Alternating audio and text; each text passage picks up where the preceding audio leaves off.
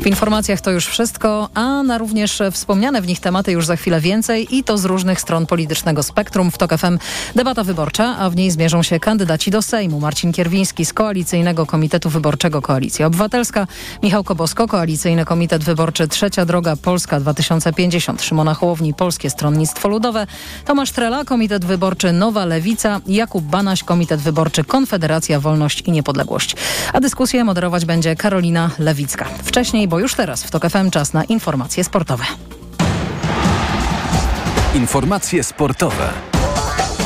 Przemysław Pozowski, zapraszam. Hubert Hurkacz awansował do ćwierćfinału turnieju tenisowego w Szanghaju. Polak po trwającym ponad 2,5 godziny meczu pokonał reprezentanta gospodarzy Jijen Janga 7-6, 4-6, 7-6. Dużo się działo podczas tego, tego meczu. W drugim secie nie grałem, e, nie grałem może tak jak bym, bym chciał grać, ale na szczęście w trzecim wróciłem do, do coraz lepszej gry.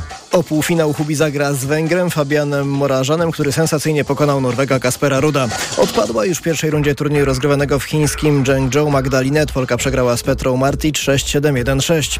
Był to czwarty pojedynek tych tenisistek i dopiero pierwsze zwycięstwo Chorwatki. Były selekcjoner piłkarskiej reprezentacji Polski Paulo Souza został zwolniony z Salernitany, ogłosił klub włoskiej Serie A. Miejsce portugalskiego szkoleniowca zajął były świetny napastnik Milanu Filippo Inzaghi. Wielka Brytania w 2028 roku oraz Włochy i Turcja cztery lata później UEFA oficjalnie ogłosiła dziś gospodarzy Mistrzostw Europy w piłce nożnej. Wielkich emocji nie było, bo były to jedyne kandydatury do organizacji Euro w tych latach. Michał Waszkiewicz. Kiedy w 2008 roku Michel Platini, ówczesny prezydent UEFA, wyciągnął z koperty kartkę z napisem Polska i Ukraina, ogłaszając gospodarzy Euro 2012 na ulicach miast w obu tych krajach wybuchła dzika radość. Czasy się jednak zmieniły, mało kto pali się do organizacji tak dużych turniejów, dlatego szef UEFA Aleksander Czeferin dziś po prostu ogłosił to, co było oczywiste. Gdy zobaczyłem obie prezentacje, poczułem się tak, jakby te turnieje miały się już w tym momencie zacząć, ale oficjalnie mogę ogłosić w 2028 roku gospodarzem będzie Wielka Brytania, a także Irlandia, a w 2032 roku Turcja i Włochy. To oznacza, że Italia dopięła swego po latach, bo walczyła o to od 2008 roku. Z kolei turniej na Wyspach odbędzie się na sześciu stadionach w Anglii, dwóch w Londynie, w Birmingham, Newcastle, Liverpoolu i Manchesterze, a także w walijskim Cardiff, w Glasgow, w Dublinie i w Belfaście. Michał Waszkiewicz, TOK FM. A najbliższe Mistrzostwa Europy za niespełna rok w Niemczech. Pogoda. Jutro znacznie się ociepli, ale w całym kraju może się chmurzyć i na północy i wschodzie spodziewajmy się słabych opadów deszczu. W południe na termometrach 13 stopni w Białymstoku, 16 w Lublinie i Olsztynie, 18 w Gdańsku i Bydgoszczy, 19 w Łodzi, Poznaniu i Szczecinie, 20 w Warszawie, Wrocławiu i Katowicach, 21 w Krakowie. Radio TOK FM. Pierwsze radio informacyjne. Polskich sądów wraca mentalność za czasów komuny znana w tych sądach. Z przyczyn politycznych, z pobudek ideologicznych ludzi zamyka się do więzień. To przemyślane całowanie po rękach, stopach ortodoksyjnej prawicy. Poziobro widzi tam głosy. Poziobro będzie starał się przypodobać środowiskom Konfederacji, brunatnym, faszyzującym. Uważam, że to jest ten kierunek. Jeżeli można mówić o rozboju, to ofiarą rozboju padła Marika, którą okradziono z wolności i używano przemocy sądowej po to, aby wsadzić do więzienia. Ta sprawa stała się obiektem politycznego paliwa, podczas gdy sąd orzekał na podstawie przepisów kodeksu karnego. Radio TOK FM. Pierwsze radio informacyjne. Posłuchaj, aby zrozumieć.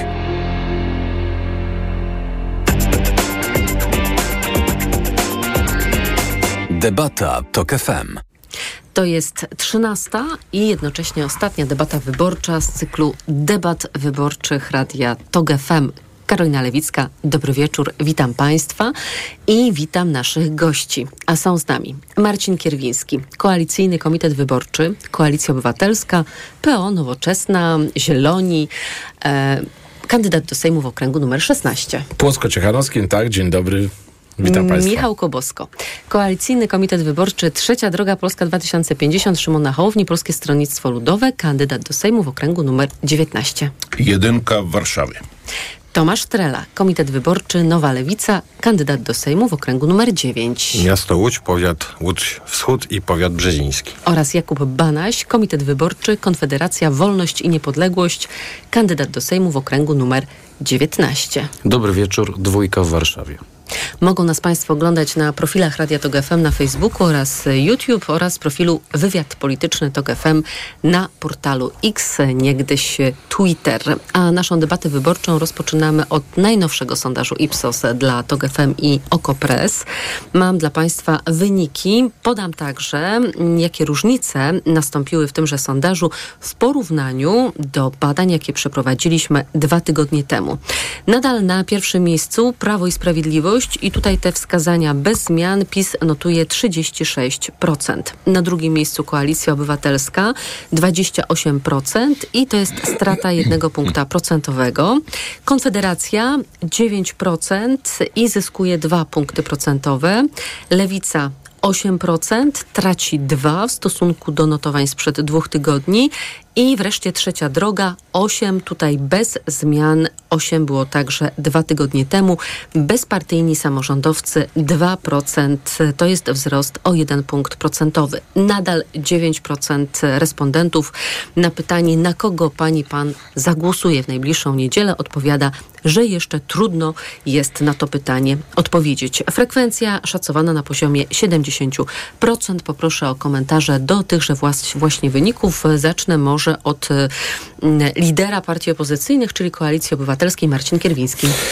E, panie redaktor, szanowni państwo, ja mam problem w ostatnich tygodniach z e, komentowaniem sondaży, bo one właściwie zmieniają się no, radykalnie codziennie mamy inny sondaż, codziennie i też inne wnioski z tych sondaży płyną, więc wydaje mi się, że ten nasz rynek polityczny jest tak rozgrzany, że już dziś chyba nie ma co na te kilka dni przed wyborami sugerować się zbytnio e, sondażami. Ale nadal Raczej... państwo robią wewnętrzne sondaże? Tak, oczywiście, tylko że wtedy w tego typu sondażach, tak, tak zwanym trackingu, czyli tym sondażu zakładam, że większość partii tu obecnych robi taki codzienny sondaż, e, wtedy bardziej liczy się tendencja, tendencja z kilku dni, a, a nie bieżący wynik danego dnia, no bo to jest tylko obraz, takie krótkoterminowe zdjęcie.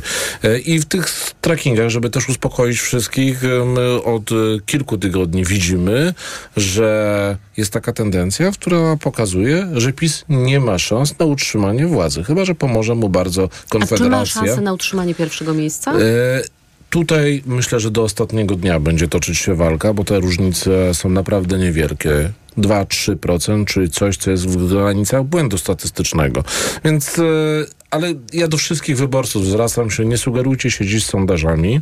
Dziś e, popatrzcie na wszystkie partie opozycyjne i wybierzcie normalną, demokratyczną Polskę. Oferta wśród partii opozycyjnych jest naprawdę bardzo szeroka. Ja oczywiście w sposób naturalny zachęcam do głosowania na Koalicję Obywatelską, bo i koalicja ma największe szanse, aby PiS po, po prostu pokonać i potrzebujemy każdego głosu. Natomiast wiem, że te trzy główne partie opozycyjne, opozycji demokratycznej razem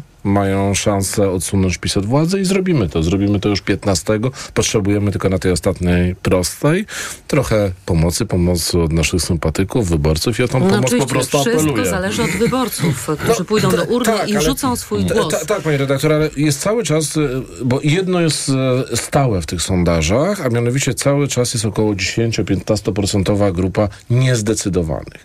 W większości, jak dokładnie, jak socjologowie rozpisują tą grupę niezdecydowanych, zdecydowani perspektywicznie są raczej wyborcami opozycji, opozycji, niż Prawa i Sprawiedliwości. dziś rolą partii opozycyjnych i na tym będziemy się chyba skupiać, chyba to wszyscy koledzy się zgodzą, jest dotarcie do tych ludzi i pokazanie im, to naprawdę są wybory o wszystko. To są wybory o to, czy następne wybory w Polsce będą jeszcze wolne. Więc z tego, z, za pośrednictwem pani redaktor audycji, zwracam się do tych wyborców niezdecydowanych idźcie 15 Żeby się zdecydowali. Głosować to naprawdę istotne. Konfederacja. Największy przyrost. 2 punkty procentowe, 9% Jakub Banaś. No tak, e, panie dyrektor, zwracam uwagę na to, że wcześniej w tym e, sondażu tej samej pracowni mieliśmy 7%. A jeszcze wcześniej, dwa tygodnie wcześniej, czyli miesiąc wcześniej 8%. Tak i, i mam wrażenie, że różne sondażownie i też media chcą wykreować rzeczywistość, pokazując zaniżone e, notowania A może po prostu najzwyczajniej w świecie państwo swój pik zaliczyli na długo przed dniem wyborów i teraz po prostu właśnie jest taka ten- równia pochyła. Ten pik był, ten pik był e, wakacyjny i tak jak... To było jeszcze przed wakacjami. Tak, ale ten pik taki, taki, o którym wszyscy mówili, że już są triumfy, to był pik sztuczny i to był pik wakacyjny. Natomiast my wiemy, że mamy stabilne poparcie w granicach 10%. Wiemy, że bardzo trudno jest zbadać niezwykle istotną grupę wyborców, jaką są młodzi ludzie, którzy niechętnie uczestniczą w tych badaniach, a tutaj metodologia jest niezwykle istotna. No też państwo mają problem chyba z taką płynnością elektoratu, ponieważ jest to elektorat, który być może zamelduje się przy urnie, a może jednak coś mu się odbidzi i na te wybory nie pójdzie. Dlatego polityka jest taka piękna, że tutaj jest można, nieprzewidywalna. że jest nieprzewidywalna, oczywiście, że jednak ostatecznie nie decydują sondażownie, tylko decydują wyborcy, więc ja liczę na to, że wynik Konfederacji, zresztą tradycyjnie, będzie lepszy niż to pokazują sondaże i komentują Czyli media. uważają państwo, że są niedoszacowani. Tak, ja uważam, że jesteśmy niedoszacowani i że ten e, właśnie rezerwuar to są przede wszystkim ludzie młodzi, bardzo trudni do zbadania przez e, ankieterów e, różnych pracowni sondażowych. Michał Kobosko i 8% dla trzeciej drogi. Przypominam, że trzecia droga jest komitetem koalicyjnym, podobnie zresztą jak e, Koalicja Obywatelska, e, czyli państwo muszą przekroczyć próg właśnie 8%, a nie 5% dla partii. Nie, No, nie, nie jest pan się- zaniepokojony? Nie, nie jestem zaniepokojony. Przepraszam trochę za mój głos od razu słuchaczki i słuchaczy. Kampania się odciska. Wczoraj odciska się piętnem. tak, wczoraj, autobus, y, wczoraj był autobus, wczoraj Który wiózł byliśmy... Szymona Hołownię na debatę do TVP. E, tak, wspierał Szymona Hołownię bardzo mocno i ja rzeczywiście Był też taką dałem... forpocztą. dałem był forpocztą. Pięknie powiedziane, pani redaktor. Wracając do sondaży, muszę e, powtórzyć niejako to, o czym mówił Marcin Kierwiński przed chwilą. Rzeczywiście w tej chwili nic nie wynika z tych sondaży, ponieważ one są strasznie rozchwiane i to z jednej sondażowni na drugą. Ja tu w niczym nie odbieram szacunku dla, dla państwa sondażu i sondażowni, z którą wy współpracujecie. No ale ostatnio było kilka sondaży, y, które pokazywały wynik w przypadku trzeciej drogi powyżej 10 punktów. Czyli wierzymy w te sondaże, które są dla nas dobre i nie, wierzymy w te, które są dla nas złe. Nie, nie powtórzę, że ważny jest trend y, p- m, i widzimy ten trend wzrostowy w przypadku trzeciej drogi. Sami jesteśmy ciekawi, na ile wczorajsza niby debata telewizji pisowskiej będzie miała jeszcze wpływ na sondaże. Nie sądzimy, żeby miała jakiś znaczący wpływ, ale nie widzimy żadnego realnego powodu, żeby wczorajszy występ Szymona Hołowni przyniósł nam spadek sondażowy. No, Ale myślę, że ten dniach. efekt zaobserwujemy dopiero w wynikach wyborów. Mało chyba prawdopodobne, Tak, żeby jeszcze tak, jakieś sondaże e, na ostatniej prostej uchwyciły, prawda? Otóż to, otóż to, rzeczywiście to już jest ostatnia prosta i w tej chwili uleganie jakimś sondażom. My prosimy, oddajcie głos na trzecią drogę. Bez trzeciej drogi w Sejmie mielibyśmy trzecią kadencję PiSu, a tego sobie, na to sobie pozwolić jako kraj, jako społeczeństwo i naród nie możemy. W związku z tym my walczymy o kilkunastoprocentowy wynik. E, widzimy u państwa w sondażu, że, że nasza pozycja się nie zmieniła. Naszym zdaniem jest e, zdecydowanie niedoszacowana i tak jak powiedziałem, kilkanaście procent to jest, e, to jest to, co jest bardzo realistyczne, co jest bardzo możliwe i co w tę niedzielę nastąpi. Lewica. Już był wynik dwucyfrowy, 10%, dwa tygodnie temu, teraz 8%. Tomasz Trela? Czy ja przywiązuję wagę do sondaży, bo one oczywiście są istotne i ważne, ale bardziej e, przywiązuję na tej ostatniej prostej do trendów sondażowych. I tych trendów zaobserwować można kilka. Nie ma już żadnej wątpliwości, że trzy komitety z tej opozycji demokratycznej będą w parlamencie i będą ze sobą współpracowały. I są te sondaże budujące, dlatego że są sondaże, które dają nam ponad 230 głosów, są sondaże, które dają nam ponad 240 głosów, a pojawiają się nawet sondaże, które dają 260 głosów w zależności od sondażowni, bo takie sondaże też są. I Koalicji Obywatelskiej, i Lewicy, i e, Trzeciej Drogi. Myślę, że dzisiaj jest takie przekonanie i to chcę dzisiaj też powiedzieć odnośnie swoich spostrzeżeń na ulicy, bo to jest chyba taki też sondaż, gdzie my czujemy i widzimy, czy jest zmiana, czy nie. Jak rozpoczynaliśmy formalną kampanię, czyli pod koniec sierpnia i no, już były pewne inicjatywy wyborcze, programy, już były gazetki, były ulotki, już było stanie na ulicy, to widzieliśmy, że jest zainteresowanie. Życzyli niektórzy zwycięstwa, niektórzy popierali, niektórzy mniej, niektórzy bardziej. Ale ja na, e, po pierwszym października, szczególnie po ostatnim marszu, już każdego dnia wyczuwam tę e, zwiększoną siłę i ten entuzjazm. Ale Wygracie. przybywa wyborców? Czy chodzi o to, że im bliżej wyborów, tym ci wyborcy są bardziej państwem zainteresowani? Tego zdecydowanie nie jestem w stanie określić, ale umiem to porównać, jak to wyglądało 4 lata temu, bo też robiłem kampanię wyborczą na, e, w swoim okręgu w mieście Łodzi. Był wtedy entuzjazm, a przypomnę, Lewica zdobyła blisko 2,5 tyś- miliona głosów, 12,5% poparcia. Gdybym miał dzisiaj zważyć ten entuzjazm, to on jest większy. Jest dużo wsparcia, jest dużo energii, dużo siły i co jest dla mnie istotne i też chcę taki przekaz mm, dać, bo to oczywiście jest naturalne, że do ostatniej chwili czy do 24 w piątek będziemy przekonywać do swoich komitetów wyborczych, ale ludzie na samym końcu oczekują, że jak pojawią się te wyniki o 21.15, to Lewica, Koalicja Obywatelska i Trzecia Droga będą mogły podnieść wszyscy ręce i powiedzieć tak, udało nam się, bo mamy większość w parlamencie. Bo ja też chcę powiedzieć bardzo wyraźnie.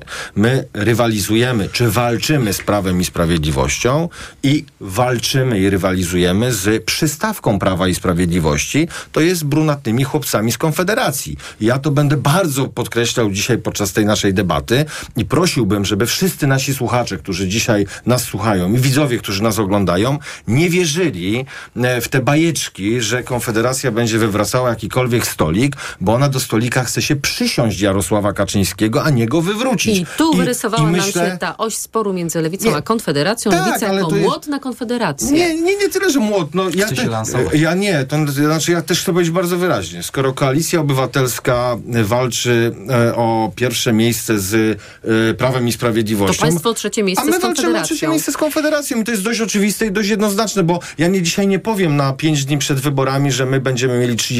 Nie, ja bym chciał mieć dobre 13-14%. Czyli żeby więcej mieć, niż w 2019 Więcej niż w roku. 2019 roku. I to jest cel lewicy, bo im silniejsza lewica, im silniejsza koalicja obywatelska, im silniejsza trzecia droga, tym większa szansa. A myślę, że taką naszą ambicją byłoby mieć tyle mandatów e, w Sejmie, w nowym Sejmie, żeby móc odrzucić weto prezydenckie.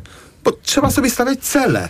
I to jest, myślę, nasz cel, bo wtedy nie będzie żadnych Byłoby wątpliwości, prościej. że ktoś przyjdzie i powie, a no co wy tam zrobicie, jak przyjdzie Andrzej Duda i będzie coś I wetował.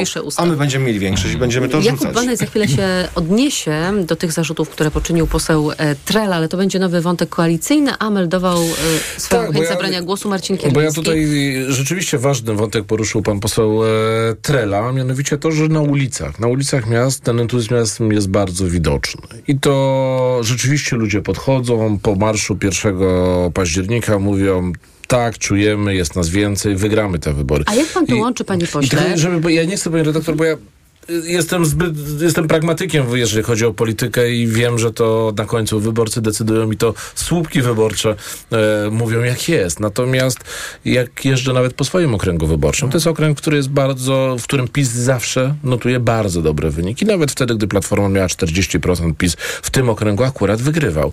E, ale spotykam bardzo wielu wyborców. y, Nie tak dawno spotkałem strażaków OSP w małej miejscowości, którzy powiedzieli, zostaliśmy przez PiS oszukani. My głosowaliśmy na PiS i nigdy więcej tego nie zrobimy, bo to są oszuści. To są ludzie, którzy naobiecywali i nic z tego, co obiecali, nie To ja I to jest, optymi- i to jest optymistyczne, bo to bardzo się łączy też z tym, o czym powiedział pan poseł Trela, czyli z tymi trendami, które są obserwowalne nie tylko w sondażach, ale także przez państwa w toku prowadzonej kampanii wyborczej. To jak pan łączy na przykład takie wypowiedzi tychże strażaków, którzy byli wyborcami PiSu, poczuli się oszukani przez PiS i teraz na PiS nie zamierzają głosować, e, z trendem, który także jest obserwowalny, czyli stabilny i notujący wysokie poparcie PiS właśnie.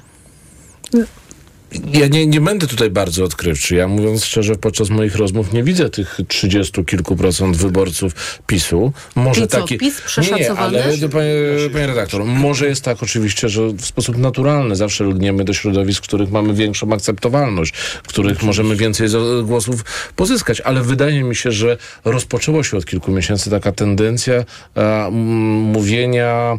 Mm, że wyborcy PiSu, e, obawi, czy byli wyborcy PiSu, obawiają się mówić, że się odsuwają od tej partii w, wśród e, no, sondażowni, tak, że wydaje mi się, że wynik PiSu jest znacznie przeszacowany w tych sondażach. Zresztą proszę pan by przypomnieć sobie, że zwyczajowo było tak, że partia władzy w Polsce była przeszacowana. No w Cebosie. Nie, ja pamiętam, a przeżywałem to, myślę, że Tomek e, te, też to potwierdzi, bo też kiedyś lewica. A, a partie, które mają władzę, mają oddziaływanie, mają też tą siłę medialną, bo nie ma co, co oczekiwać. Ekspozycja premiera, tych e, ministrów jest inna niż, e, niż osób aspirujących, tak bym powiedział. Te partie często są przeszacowane. Mam nadzieję, że tak jest w przypadku PiSu, ale to wybory pokażą. Jakub Banaś, czyli ten zarzut dotyczący Konfederacji, która jest przystawką Prawa i Sprawiedliwości. Zaczynamy wątek koalicję, bo oczywiście jest deklaracja, która padła przy okazji Marszu Miliona Serc, że trzy ugrupowania opozycyjne z pewnością będą tworzyć jeden rząd tak, i nie ma tutaj żadnych wątpliwości. PiS straszy, że to oznacza chaos, do tego jeszcze wrócimy, ale zaczynamy od tego, czy Konfederacja Ci, będzie pomagać Prawu i Sprawiedliwości stworzyć rząd większościowy, bo na razie te sondaże dają Jarosławowi Kaczyńskiemu jedyne, jedynie szansę na rząd mniejszościowy powoływany w trzecim kroku konstytucyjnym. No to tutaj ważne kilka kwestii, pani redaktor. Pierwsza rzecz to jest taka, że e, to jest narracja moim zdaniem spinowana zarówno przez e, Zjednoczoną Prawicę, jak i właśnie przez e, opozycję, że Konfederacja jakoby miała tworzyć koalicję z PiSem. To jest po prostu kompletna bzdura, bo nieopłacalne, to jest to ruch nieopłacalny polityczny ani dla Konfederacji jako całości, ani dla każdego ze środowisk politycznych, ani dla i liderów Konfederacji. To jest pierwsza sprawa. I ktoś, kto rozumie politykę, no powinien wiedzieć, że to jest oczywiste. Druga sprawa bardzo istotna y, jest taka, że y, liderzy Sławomir Mencen i Krzysztof Bosak wielokrotnie podkreślali ostatnio, zwłaszcza ostatnio na wszystkich możliwych spotkaniach i wywiadach, że ich celem i celem naszego środowiska politycznego jest y, odsunięcie od władzy Prawa i Sprawiedliwości Jarosława Kaczyńskiego i niedopuszczenie do tej władzy Donalda Tuska. I to jest tak, że tych słów trzeba szukać, a nie no to bawicie... być może razem z PiSem będą państwo nie dopuszczać do władzy Tuska. Donalda Tuska. No już zaraz powiem, bo tu jeszcze dwa słowa o takim fantazjowaniu i, i opowiadaniu bajek politycznych e, przez posła Trele. No to są po prostu, to jest fantastyka w czystej postaci i bajkopisarstwo. Ja panu zaraz powiem przypisywanie, waszych ludzi. Przypisywanie, to... przypisywanie nam właśnie jakieś, jakieś chęci robienia koalicji z PiSem. Natomiast ja powiem tak, no to wy jesteście jako lewica takim tęczowo-czerwoną przybudówką dla Donalda Tuska i właściwie na was nie ma sensu głosować. Lepiej od razu głosować na Donalda Tuska, żeby dzięki e, systemowi Donta tak naprawdę zdobył premię za e, bycie pierwszą siłą w parlamencie, więc to można by równie dobrze w ten sposób e, o państwu powiedzieć. To ja muszę dopytać, czy państwo będą mieli pełną kontrolę nad wszystkimi kandydatami, kandydatkami, którzy zostaną wprowadzeni z list Konfederacji do Sejmu? Czy nie będzie tak, że Konfederacja, która teraz jest ugrupowaniem słabnącym, co pokazują mhm. sondaże, chociaż pan twierdzi, że mają państwo z pewnością dwucyfrowy e, wynik, nie będzie zdecydowana na długi marsz i marzenia o przyszłych samodzielnych rządach, bądź też na przykład podzieleniu schedy po Prawu i Sprawiedliwości, jeżeli na emeryturę polityczną odejdzie Jarosław Kaczyński, tylko będzie taka chęć szybkiego monetyzowania tego dostania się do Sejmu, a wiemy, że Jarosław Kaczyński potrafi bardzo intratne propozycje kłaść tak. na stole e, dla takich, którzy będą głodni pieniędzy, władzy i stanowisk. To już trzy sprawy. Pierwsza, pierwsza, każda partia będzie miała ten problem. No Lewica pokazała, że też nie jest spójna, bo trzeba pamiętać, jakie były transfery e, poselskie e, w ostatnim w parlamencie, w ostatnim Sejmie. Więc do to dotyczy... Transfery? Nie, nie do, z lewicy. Do, z lewicy. No, no przecież to, były od was transfery. Spójna, no, no właśnie nie były spójne, no. ponieważ jedna z waszych posłanek po prostu nagle przybrała, jak pan Ale mówi, te posłance, proszę ją, nie, ją nie, posłance, nie, no to jest właśnie, to jest właśnie kwestia, nie ma się co burzyć, po prostu to są fakty. Burzę, no. To są, oczywiście jest tak, że taka właśnie chwila, jak wygrana PiSu, czy sformułowanie, czy misję sformułowania rządu, e, którą powierzy najprawdopodobniej prezydent e, komuś z PiSu, no będzie chwilą prawdy dla wszystkich klubów poselskich, również i dla trzeciej drogi, Ja od razu powiem, że pan prezydent w Polsat News zapowiedział kilka dni temu, że powierzy misję tworzenia no rządu wygra, tak. liderowi tak. zwycięskiego ugrupowania. Tak Więc jeżeli PiS będzie pierwszy na mecie, nawet e, niewielką liczbą głosów, głosów będzie pierwszy, to prawdopodobnie Tak, to, to ja powiem tak Morawiecki politycznie, inny. to panie redaktor, ja politycznie powiem tak, e, jeszcze żeby, żeby tutaj na, zwrócić uwagę na jedną niezwykle istotną sprawę. No politycznie najbardziej się to opłaca PSL-owi, e, żeby bardzo szybko zmienić e, front i z partii tak zwanej demokratycznej opozycji samozwańczej, bo się państwo nazywacie demokratyczną, jakby Konfederacja była jakąś inną, a jest najbardziej nie demokratyczną, demokratyczną partią. No tak, bo są trzy środowiska, więc demokracja musi być w środku z istoty swojej, tak? Jest. Więc tutaj No pytanie, największe czy jest zagrożenie... demokracja na zewnątrz, bo że jest, Jest, wewnątrz, no, no, na to zewnątrz to jesteśmy, bo, bo siedzimy, tak? Ja mówię, tutaj siedzimy, przecież Konfederacja nie ma wpływu, wpływu na całą scenę polityczną w Polsce i na państwo, tak? No jest jednak partią, która jest głęboko w opozycji, jest sekowana przez cały establishment. Od PiSu poprzez tak zwaną właśnie demokratyczną opozycję. No ale Natomiast- chyba o taką antysystemowość państwu chodziło wizerunkowo. Oczywiście, że jesteśmy, jesteśmy partią, która, tak jak mówił Sławomir Mencen wielokrotnie, chce przewrócić stolik. I teraz mocny klub Konfederacji jest do tego najlepszym środkiem e, i etapem. I etapem. I na to zwracam uwagę, że dla liderów poszczególnych, i Sławomira Mencena, i Krzysztofa Bosaka, które mają ambitne plany polityczne, jak i dla poszczególnych środowisk Konfederacji, a jest ich trzy, wszystkim im opłaca się zachowanie jedności politycznej Konfederacji i nie wchodzenie w koalicję z PiSem. Przyszłość jest niepewna. E, Tomasz No, Trela i oczywiście, oczywiście tak, Michał oczywiście, Kowalsko. że Jeszcze tak. Michała Kowalsko e, zapytam zaraz Tomasz Trela, bo tutaj został wywołany PSL. Oczywiście wy tworzycie komitet Hmm. koalicyjny, ale to jest e, do wyborów. Po wyborach będą, co państwo już deklarowali, osobne kluby e, bądź koma Tak, tak parlamentarne, więc jak rozumiem będziecie osobnymi środowiskami politycznymi, ale może teraz w ramach tej współpracy przedwyborczej pan się odniesie. Wyobraża pan sobie, że PSL zawiera koalicję z Prawem i Sprawiedliwością? Nie, nie wyobrażam sobie takiej sytuacji. Znaczy, kiedy tworzyliśmy, rozmawialiśmy najpierw o stworzeniu trzeciej drogi koalicyjnego komitetu wyborczego, to to był jakby warunek absolutnie podstawowy, wstępny do jakichkolwiek rozmów Ale e, trzeba naszych. było zadeklarować? Nigdy Tak. nikt z PiSem? Tak, nie, że nie będzie żadnej koalicji z PiSem i to kierownictwo PSL i Władysław Kosiniak-Kamysz z jednej strony, ale też Waldemar Pawlak, szef Rady Naczelnej PSL-u, bardzo jasny, konkretny, zdecydowany sposób zadeklarowali i dopiero w tym momencie dla nas to był ten punkt, kiedy mogliśmy siąść do rozmowy o sprawach programowych, co zakończyło się uzgodnieniem wspólnej listy spraw, tego co uważamy, że rząd na pierwsze 100 dni i na całą A kadencję ta powinien deklaracja była rząd potrzebna, bo państwo mieli wobec ludowców wątpliwości? Nie, my musieliśmy sobie jasno powiedzieć, no są cztery ugrupowania, mm, partie opozycji demokratycznej, dwa z nich usiadły do stołu, jedyne dwie partie, które usiadły ze sobą realnie do stołu i musieliśmy, ponieważ jesteśmy różnymi Zaraz jak partiami, jedynie dwie? No przecież tutaj mamy same takie połączone koalicje. Nowa Lewica z Razem, tutaj mamy No, Platformę wchodzi- Obywatelską z nowoczesnymi, zielonymi. Ja, ja mówię o czterech e, środowiskach, to znaczy o Nowej Lewicy, o Koalicji Obywatelskiej, o PSL-u i o Polsce 2050 Szymona Hołowni. I tu, tu określam tę liczbę na cztery. Nasze dwa środowiska, Polski 2050 i PSL, ze sobą się porozumiały, stwo- stworzyły sojusz. Jak powiedziałem, absolutną podstawą do tej rozmowy i to cały czas obowiązuje. Jestem przekonany, że będzie tak samo obowiązywało po wyborach. Jest to, że nie wchodzimy w żadne alianse z PiSem, ponieważ to są najwięksi szkodnicy na polskiej scenie politycznej. Ja nie założyłbym się dzisiaj, że środowiska, przynajmniej część środowisk tworzących kon- Konfederację nie wejdzie w sojusz e, z I PiSem. pan jest Wręcz pewny tych ludzi, którzy zostali umieszczeni na, na naszych listach? listach? Tak. na, na naszych ludzi jestem pewien. To są często ludzie nowi w polityce, którzy No będą i chciałem posłowali powiedzieć, po raz pierwszy. Bogu, dzięki Bogu, że udało się wprowadzić, mam nadzieję, że uda się wprowadzić bardzo wielu nowych ludzi Ale wiemy też, jak polityki. powstają nowe ugrupowania, a Polska 2050 wciąż jest takim nowym ugrupowaniem. Nie ma możliwości e, takiego no, bardzo wyraźnego sprawdzenia wszystkich tych, którzy potem znajdują się No na listach. Pani redaktor, jeżeli chce mi pani powiedzieć, że politycy z dużo dłuższym stażem są sprawdzeni i nie przechodzą z jednego ugrupowania do drugiego, no więc właśnie.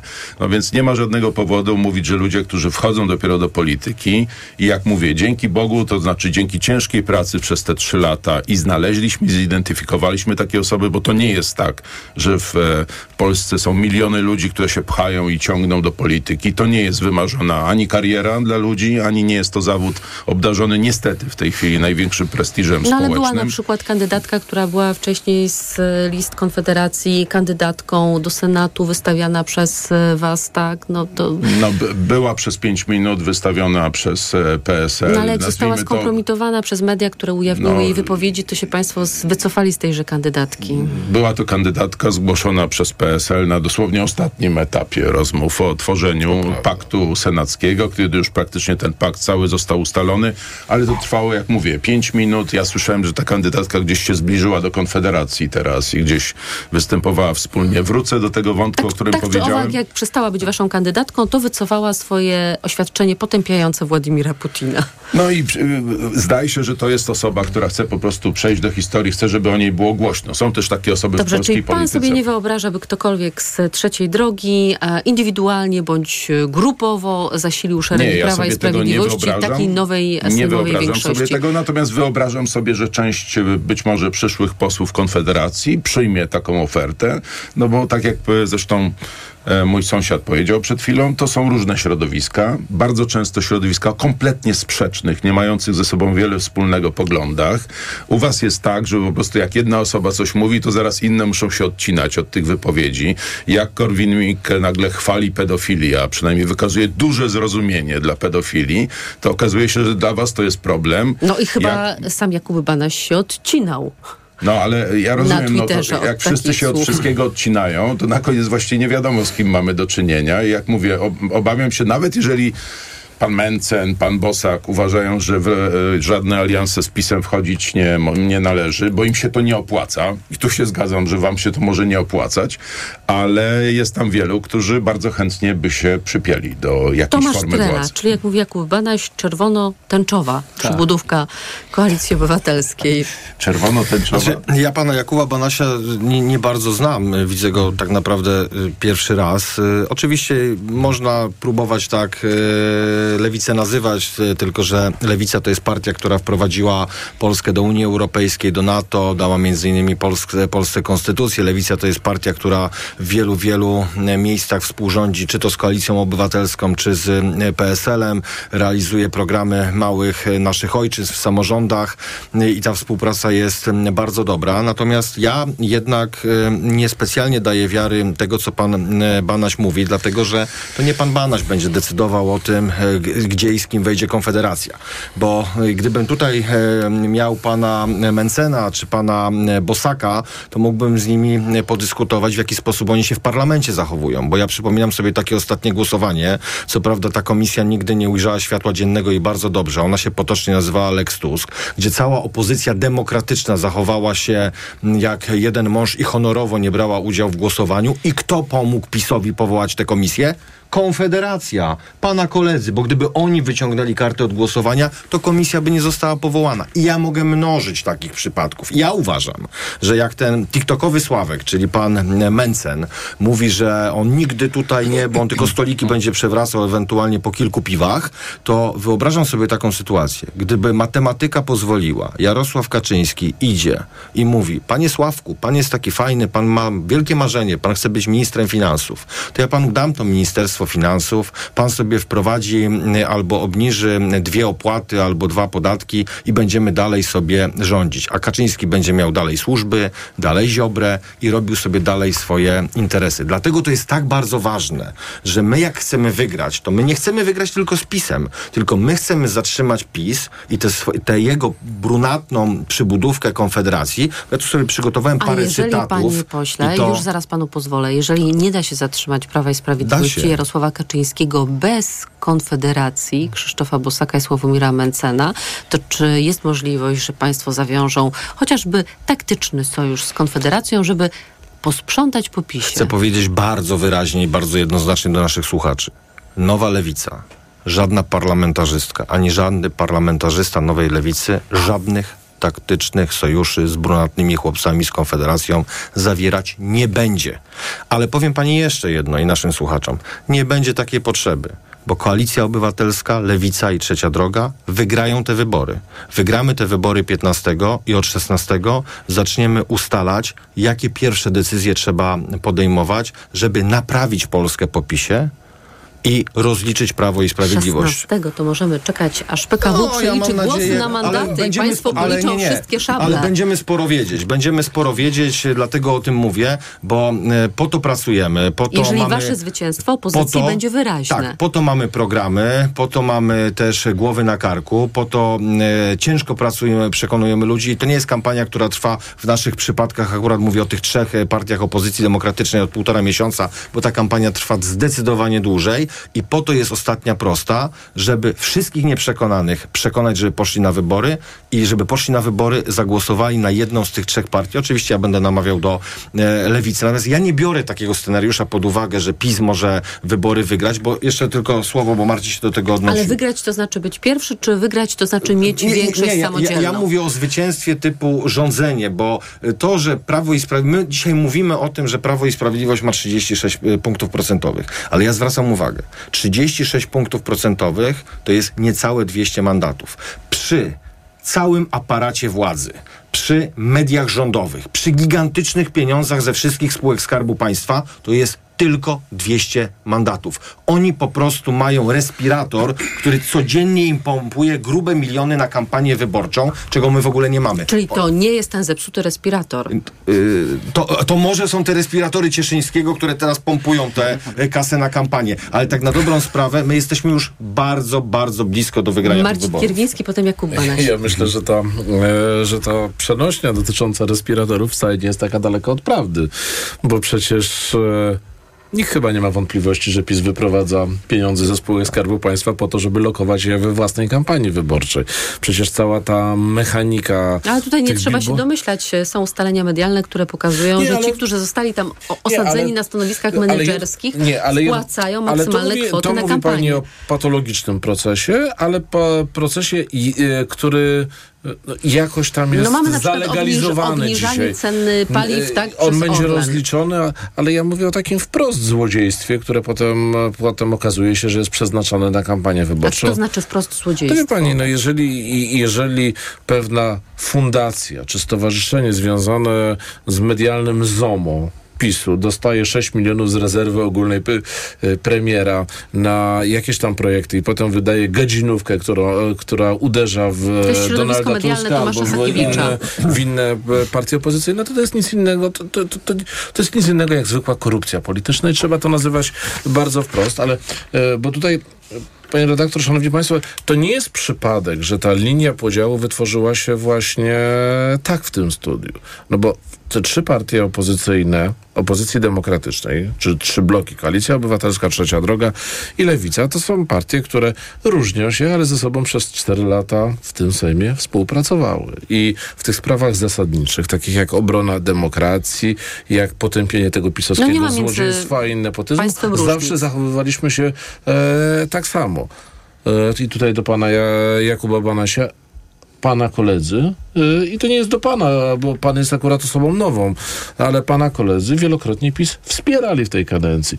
Wie pan, ja pamiętam takie sytuacje, jak wystarczyło wyjąć karty do głosowania i to pana koledzy z Konfederacji mówili, nie, my nie jesteśmy tym zainteresowani. I wie pan, ja, bo, bo ja też...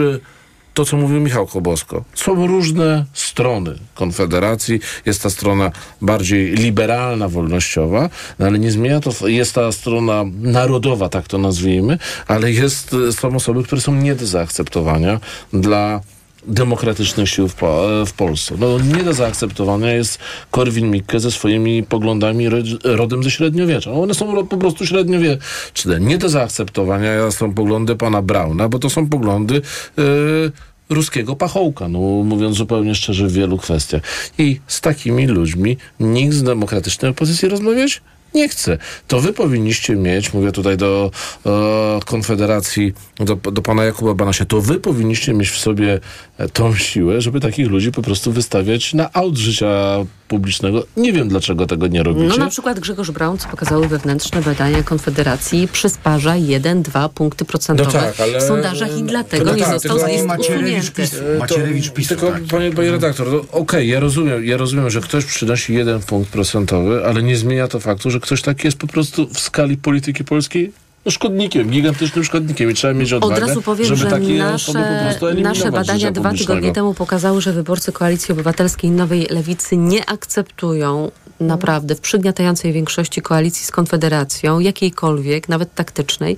Wyborcy trzeciej drogi są podzieleni, natomiast gdy zapytaliśmy wyborców Konfederacji o to, czy dopuszczają Konfederację w koalicji, już nie precyzując, jaka byłaby to koalicja, czy z PiSem, czy z opozycją, to w 57% dopuszczają koalicję z udziałem swojej e, partii. Mm, A jeżeli Konfederacja wprowadzi do Sejmu między 30 a 40 osób, to może w ogóle po prostu wyłonienie rządu nie będzie możliwe bez Konfederacji. I co wtedy?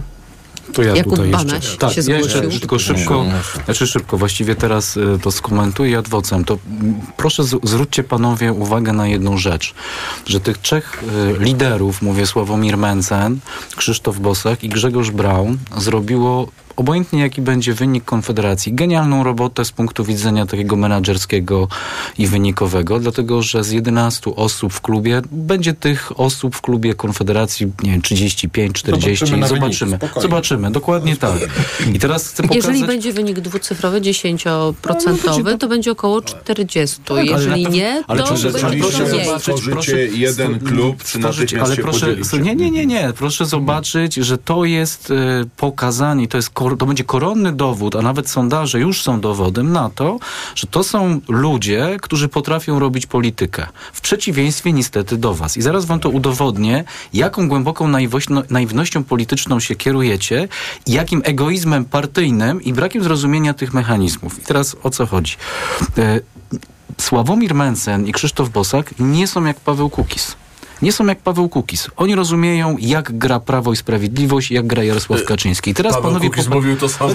No, Proszę na początku. pamiętać. Oczywiście, tak. natomiast ja nie będę tutaj już wypominał, ile razy państwo głosowaliście z PiSem w ustawach chociażby covidowych, czy przy programach socjalnych. To są różnice, rozumiem, programowe, czy z punktu waszego widzenia to są te same programowe rzeczy. Natomiast zwracam uwagę na to, co powinien robić polityk, który kieruje się jednak interesem e, wspólnym, dobrem wspólnym i tym, żeby rzeczywiście tutaj była przywrócona praworządność, demokracja i koniec z tymi patologiami.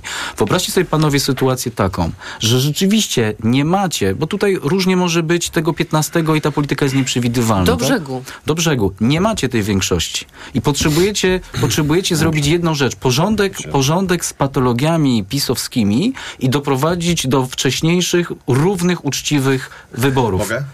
I wtedy, I wtedy mówiąc krótko, zamiast obrażać Konfederację, zamiast imputować jakieś brunatne przymiotniki, powinniście, mówiąc krótko, przynajmniej sobie budować ten most porozumienia ponad podziałami, gdzie jest jedna wspólna partia odpowiada. polska, Znaczy- po to, żeby doprowadzić do Jakubie, możliwej sytuacji. naprawdę proszę się nie obrażać. której- No nie, ja się nie po obrażam, bo ja, ja po chcę- drugie chcę panu powiedzieć, że jeżeli, się, naprawdę się nie że jeżeli obrażam, my mamy... myślę to o tym, co jest realnie do dobrze, zrobienia. To, znaczy ja panu powiem Co tak, może być do Ja panu zrobienia, powiem nie? tak, jeżeli pan pięć dni przed wyborami Mhm. myśli o przyspieszonych wyborach za pół roku, no to ja powiem do wszystkich, którzy nas być może słuchają i myślą o głosowaniu na Konfederację, nigdy na nich nie głosujcie, bo oni by chcieli mieć co pół roku wybory Nie, i tak nie, naprawdę nie mają pan- żadnego pan, planu. pan Ale chcę powiedzieć, chcę powiedzieć, po ale nie wchodziłem w słowo. Chcę powiedzieć o drugiej rzeczy. Ja pamiętam kilka miesięcy temu, jak zdaje się chyba u pani, komentowałem wyniki Konfederacji. One wtedy miały 15, 17%. Były niektóre komentarze, Że nawet 20. że nawet będzie 20. Ja akurat byłem dość mm, sceptyczny i wychodziłem z założenia, że to jest taki pik. To jest trochę tak, mi to przypomina takie skoki narciarskie. Jak jest skoczek narciarski i jest to Grand Prix letnie, on się tam tak podpali, wygra ten puchar letni mówi tak, wchodzę w ten sezon zimowy, czyli te właściwe Grand Prix i jest klapa. Myślałam, że to taki Wojciech Fortuna. I z Konfederacją jest dokładnie tak samo. Oni wyszli w tym Grand Prix letnim, wakacyjnym, tam Mencen sobie z tym piwkiem biegał, biegał. Doszło do decydującego starcia i ten Mencen taki pak, pak, pak, pak, pak w dół. I ja powiem tak, ja oczywiście życzę, żeby Konfederacja dostała mniej niż 5 punktów procentowych, bo nie chciałbym, żeby ludzie pokroju Mencena, Bosaka, Brauna byli w parlamencie. Jeżeli mi pani pozwoli, bo mam tu kilka cytatów i podzieliłem sobie je na kilka etapów. Najpierw pan Mencen. Chciałbym, by normalne było, że rodzic może dać dziecku klapsa. 30 marzec 2023 roku. Wyjść z Unii po to, by wywalić te narzucone podatki i regulacje, to już były właściwy kierunek. To mówi pan Mencen, który chce wyprowadzić Polskę z Unii Europejskiej, czyli to, jak nasza mała ojczyzny, jak Polska zmieniła się od 19 lat, każdy widzi. 700 miliardów złotych dostaliśmy netto z Unii Europejskiej, czyli różnica między wpłatą a wypłatą. 270 miliardów e, złotych czeka na nas z Krajowego Planu Odbudowy. Mencen chciałby wyprowadzić Polskę z Unii Europejskiej. Sławomir Mencen to jest facet, który dzieci zamiast edukować, zamiast z nimi rozmawiać, chętnie by ich lał po pupach. No Od to jeżeli chcemy, jeżeli chcemy mieć, jeżeli chcemy mieć kogoś takiego w parlamencie i chcemy z kimś takim budować i tutaj pan Banaś mówi o jakimś taktycznym sojuszu, wie pan co, z panem Mencenem, z panem Braunem, z panem Korwinem, to muchy bym nie chciał w toalecie zabić, jakby było gorąco, co dopiero mówić o jakimś sojuszu. Marcin Kierwiński. Ja tak słucham tego, co mówi pan, e, pan Banaś i tak chwali tych pana Mencena i Bosaka. Potrafią w politykę, wie pan, na razie nie widać, żebyście potrafili w tą politykę, czy pana liderzy, żeby potrafili w tą politykę, bo nie jest przypadkiem, że znakomita większość polskiego społeczeństwa jednak lokuje was bliżej PiSu. To jeżeli wy nie chcecie z tym PiSem, a wasi wyborcy uważają, że pójdziecie z PiSem, to chyba w tą politykę e, nie najlepiej potraficie. To, to po pierwsze. Po drugie, raz jeszcze, raz jeszcze panu mówię, jeżeli bo, bo gdzieś na samym końcu my nie rozmawiamy tylko i wyłącznie o takiej, takich technikaliach sprawowania władzy i takiej prostej matematyce. Weźmie, weź, się tych posłów, doda do tego, zrobi dwu, dwu, większość 231, bo to nie, nie na tym polega. No jeżeli mamy, jeżeli ktoś miałby dzisiaj robić większość z panem Braunem, to to jest tylko i wyłącznie PiS. Żadna normalna, demokratyczna siła nie może rozmawiać w sposób cywilizowany z kimś, kto cywilizowany w sposób, jeżeli chodzi o politykę, po prostu nie jest. Bo polityka to gdzieś jest tak, że to, to też są wartości. To są jakieś elementarne zasady. I wie pan, ciężko, ciężko mówić o przywracaniu demokracji, standardów, debaty publicznej e, z kimś, e, w ogóle ciężko by było rozważać, kto jest jeszcze bardziej skrajny niż Kaczyński, Macierewicz i, e, i Ziobro. Przecież pan Braun w swojej ideologii, on jest jeszcze bardziej skrajny niż ci panowie. No to musi pan to też rozumieć. Wie pan, no, nawet jeżeli pan, nawet jeżeli pan się lokuje na tym liberalnym skrzydle, tak to nazwijmy, Konfederacji, no to musi pan brać odpowiedzialność za, za tych kolegów, którzy ani z demokracją, ani z wolnością, ani z takim polskim interesem niewiele mają wspólnego. No. Czyli stan rzeczy jest następujący. Zarówno Lewica, jak i Koalicja Obywatelska deklarują, że nie ma żadnej przestrzeni na współpracę tak, jakąkolwiek ale ja to, ja to powiedziałem bardzo. Są takie osoby, które dla mnie, jako dla człowieka, który ceni sobie demokrację, wolność, są takie osoby w tym parlamencie i mam nadzieję, że nie będzie ich w przyszłych, jak Korwin-Mikke czy pan Brown, z którymi nic nigdy ja robić nie będę. No. Ale czy pan teraz mówi, panie pośle, że z niektórymi osobami z Konfederacji nie, a z niektórymi nie, osobami mówię, tak? Mówię, pre, mówię bardzo precyzyjnie. Jednym z liderów e, Konfederacji jest, e, jest Grzegorz Braun. Jeżeli jest formacja, która ma takiego lidera, no to ciężko Czyli rozmo- z koroną rozważać. Rzeczypospolitej pan by niczego nie zawierał. E, Tutaj Jakub- Tomek Tryla powiedział to mocniej, ale chyba jest to wła- właściwsze powiedzenie. Jakub Banaś deklaruje z kolei, że Konfederacja nie będzie zawierała żadnych e, sojuszów z PiSem. Ja teraz chciałabym zapytać o kwestię obsadzenia stanowiska premiera i zacznę od lewicy, ponieważ e, Krzysztof Gawkowski mówi, że jeżeli Platforma Obywatelska wystawi Donalda Tuska na premiera, to nie widzi przestrzeni, żeby powiedzieć nie. Tylko pytanie, co z politykami razem, bo wielokrotnie już w tej kampanii deklarowali, że będzie ich e, weto w stosunku do osoby Donalda Tuska. Na razie to Platforma Obywatelska jest najsilniejszą partią opozycyjną i Donald Tusk, chyba nic się nie zmieniło, panie pośle, tak, jest kandydatem na premiera z ramienia Koalicji Kandydat, Obywatelskiej. kandydatem na premiera powinien być lider największej partii politycznej. Jeżeli wygra opozycja, to naj, naj, lider największego To ugrupowania opozycyjnego. Paulinę Matysiak. Zobaczymy, czy postawimy weto. Myślę, że jest to bardzo prawdopodobne. Natomiast ja mam też takie poczucie, że naprawdę czas wielu polityków już odszedł. Powiem bardzo precyzyjnie w imieniu Lewicy i mam nadzieję przyszłego klubu e, parlamentarnego. Jeżeli będzie tak, że Koalicja Obywatelska w tej naszej e, trzyosobowej rodzinie partii demokratycznych będzie miała najwyższy wynik i Koalicja Obywatelska zdecyduje, że kandydatem tego środowiska jest pan premier Donald Tusk na nowego premiera, to lewica taką kandydaturę poprze. Dlatego, że uważamy, uważaliśmy i będziemy uważać, że odpowiedzialność polityczna powinna towarzyszyć takiej sprawczości, jeżeli chodzi pięciu, o władzę. sześciu, siedmiu posłów partii razem jednak się wyłamie, powie nie. Nie będzie takiej sytuacji, dlatego że my mamy, To po co oni to mówią? my mamy przygotowane e, założenia, że będziemy tworzyć wspólny klub parlamentarny. Mamy to przedyskutowane i ja rozumiem, że może być niektórych osób niechęć do tej czy innej osoby, natomiast jest pewna zasada, a my tych zasad chcemy przestrzegać i zawsze przestrzegaliśmy, bo ja przypomnę, jak w 2001 roku Sojusz Lewicy Demokratycznej wygrywał e, wybory e, parlamentarne, to kandydatem na premiera i premierem był ówczesny szef Sojuszu Lewicy Demokratycznej, czyli pan e, e, Leszek Miller. I dla nas jest No to dość naturalne. 10 sierpnia w trakcie kampanii wyborczej posłanka zapowiada weto wobec Ale wie, kandydatury pan, wie pani, nie wiem dlaczego. E, Ja mówię w imieniu całej lewicy. Ja jestem we władzach nowej lewicy. Nowej E, lewicy, ale nie we władzach partii Tak, Razem. ale no, przygotowując listy wyborcze, konstruując te listy, jak pani doskonale wiemy, idziemy pod szyldem nowej lewicy do wyborów e, parlamentarnych. Partia Razem idzie na naszych listach wyborczych i mamy takie ustalenie. Jeżeli lewica będzie miała 40-50 osobowy klub parlamentarny, będziemy podejmować decyzje, ale kierunek jest dość jednoznaczny. Jeżeli Koalicja Obywatelska będzie miała najwyższy wynik, a wszystko na to wskazuje i zdecyduje się na kandydaturę Donalda Tuska, my taką kandydaturę poprzemy, dlatego że przyjmujemy też wtedy za dobrą monetę, że jeżeli będziemy brać na siebie odpowiedzialność za odpowiednie obszary funkcjonowania państwa, to również nasi koalicjanci nie będą decydować, kto to ma być w sposób e, personalny. A zasada powinna być zasada. My nie chcielibyśmy uczestniczyć w rządzie, gdzie z tylnego siedzenia, tak to, jak to jest w przypadku pana e, Kaczyńskiego, który nie był wicepremierem. Zarządza szara eminencja, No tak, ale wie pani, on, Kaczyński to jest trochę tak jak taka wańka wstańka. A wejdę sobie do rządu, a wyjdę z rządu, a wejdę sobie do rządu a i No ale degraduję wiemy, wszystkich panie pośle, że centralny ośrodek dyspozycji politycznej jest, przy Nowogrodzkiej. przy Nowogrodzkiej. Dlatego uważamy, że centralny ośrodek decyzji politycznych i administracyjnych powinien być w jednym miejscu i to liderzy polityczni powinni brać na siebie taką odpowiedzialność. Czy Trzecia Droga ma problem z premierem Tuskiem?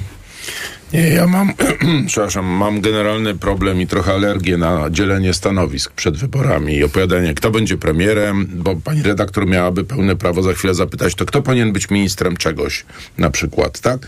Mamy takie oczekiwania, czasami słyszymy, czasami były takie ja bym chętnie apele nawet. zapytała, jakie ambicje ma Szymon Hołownia. E, Były takie apele w mediach, to teraz to niech opozycja przedstawi swój gabinet i tak dalej. No poczekajcie, no naprawdę już jest Ale tylko Michał, chwila do... jest, jeżeli chodzi o konstrukcję i taktykę polityczną, co do funkcji, a co innego jest dzielenie skóry na niedźwiedzie. Trochę inaczej zinterpretowałem te pytania. Okej, To A bardziej poza okej. tym poniedziałek powyborczy jest już za pięć dni. No i dobrze. I bardzo dobrze. Wszyscy czekamy na, na dzień wyborów i też na zakończenie kampanii wyborczej na pewno, ale przede wszystkim na dzień wyborczy i myślę, że w, poni- w poniedziałek wszyscy będziemy, to jest oczywista oczywistość, o wiele mądrzejsi będziemy widzieli, jaki jest ten e, układ, który się wytworzy. Ja mam ogromną nadzieję, że to będzie układ tych trzech partii e, opozycji demokratycznej, że trzecia droga będzie odgrywała bardzo istotną rolę w tej przyszłej konstrukcji, konstrukcji przyszłego rządu. Pani redaktor w ten sposób konstruowała pytanie, czy my mielibyśmy problem z kandydaturą Donalda Tuska, no ale, ale dlaczego mielibyśmy mieć problem, jeżeli byłby liderem największego e, ugrupowania. Natomiast e, dzisiaj my rozmawiamy w sytuacji, zaczęliśmy od omawiania sondażu, z, który, z którego wynika, że to PiS dostanie prawo formowania rządu i podejmie pierwszą taką próbę, więc e, jeszcze raz powtórzę, takie dzisiejsze zastanawianie się i właśnie to pytanie, a jakie ambicje ma Szymon Hołownia, a jakie ambicje ma Władysław Kośniak. Każdy lider polityczny ma wielkie ambicje, Tak, bo nie byłby, bo nie byłby liderem politycznym, tak? No po prostu każdy lider myśli o tym i po to się wchodzi do polityki, Jakub, żeby walczyć o zwycięstwo w polityce. Banaś, czy gdyby stanowisko premiera zostało zaproponowane Konfederacji, to czy Konfederacja jednak skusiłaby się na sojusz z PiSem? nie, ja tutaj, e, to jest jakaś mistyka gdybania i nie chcę tutaj uprawiać takiej mistyki. Ja tylko powiem e, krótko, że pan e, poseł Trela rzeczywiście jak na lewicowego agitatora z Łodzi mówi pięknie, natomiast no, mało to ma wspólnego znowu z taką rzeczywistością, pragmatyką polityczną. Nie wiem, czy pan e, sprawdzał sobie, kto statystycznie najrzadziej głosował wspólnie z PiSem. W tamtym, e, w obecnym Sejmie, który się kończy, tak? Pewnie Brown, bo on był najczęściej wykluczony Nie, z posiedzenia nie, właśnie, Sejmu. Właśnie To Konfederacja, bo się okazuje, że, że to Konfederacja najbardziej szła w poprzek tym wszystkim ustawom, a przypuszczam, a przypominam, że Monika Pawłowska to jednak była posłanka e, od was, że z punktu widzenia realnego programu bardzo jest wam blisko do socjalistycznego, etatystycznego Prawa i Sprawiedliwości, że jeżeli gdzieś Jarek Kaczyński będzie szukał jego akolici, posłów, pan, pan to na pewno... panem Kaczyńskim to na na Jarek, pewno- my nie. No widzi To pan, jest no, jednak ja, ja, zasadnicza to, no, ale to nie, no to ucieka pan teraz do retorycznych jakichś chwytów, nie? Tu nie chodzi o to, żeby się, Na żeby rozmawiać o jakichś cytat. też. Nie, debata. Ale ja, mnie, interesuje, mnie interesują konkrety, a konkrety są takie, że z punktu widzenia programowego, pewnej pragmatyki politycznej, wasze środowisko jest programowo bardzo blisko z PiSem.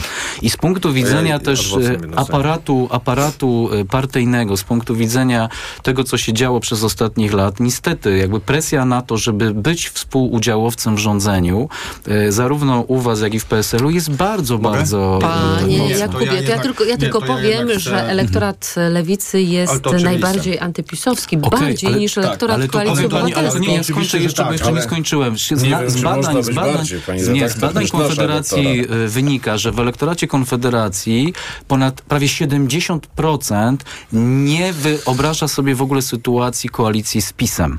I taka jest prawda o elektoracie Jedno konfederacyjnym. zdanie Tak, i ale przechodzimy znaczy- do następnego znaczy ja nie- Nie wiem, jakie są wyniki badań Znaczy, w lewicy, znaczy nie, ja ale panu- biorąc pod uwagę wypowiedzi Znaczy, różnica jest, Zandberga, różnica no to jest tylko, wydaje się, że to jest możliwe różnica jest tylko tak? taka, że ze strony lewicy jest jednoznaczna deklaracja i każde nasze działanie pokazują, że idziemy do tych wyborów, żeby odsunąć PiS od władzy, a u was, wasi liderzy, wasi przedstawiciele tak kluczą, tak kombinują, tak wywracają stolik, że wyjdzie na to, że Mencen sam się potknie o swój wywracony Nie, stolik nie, nie. i dosiądzie się do stolika Świetnie- Kaczyńskiego. świetnie to jest rzeczywiście, mówi, to jest rzeczywiście prawda. inne. Nie, właśnie Pan- fakty pan są takie. świetnie mówi, Ale nie, to, to jedno zdanie. takie, że Konfederacja jedno stoi w poprzek programowi Nieprawda. PiSu. Znaczy proszę, Oczywiście. nie, proszę, panie Głównym Jakubie, panie Jakubie, panie Jakubie, zachęcam tak, do panie tego, żeby.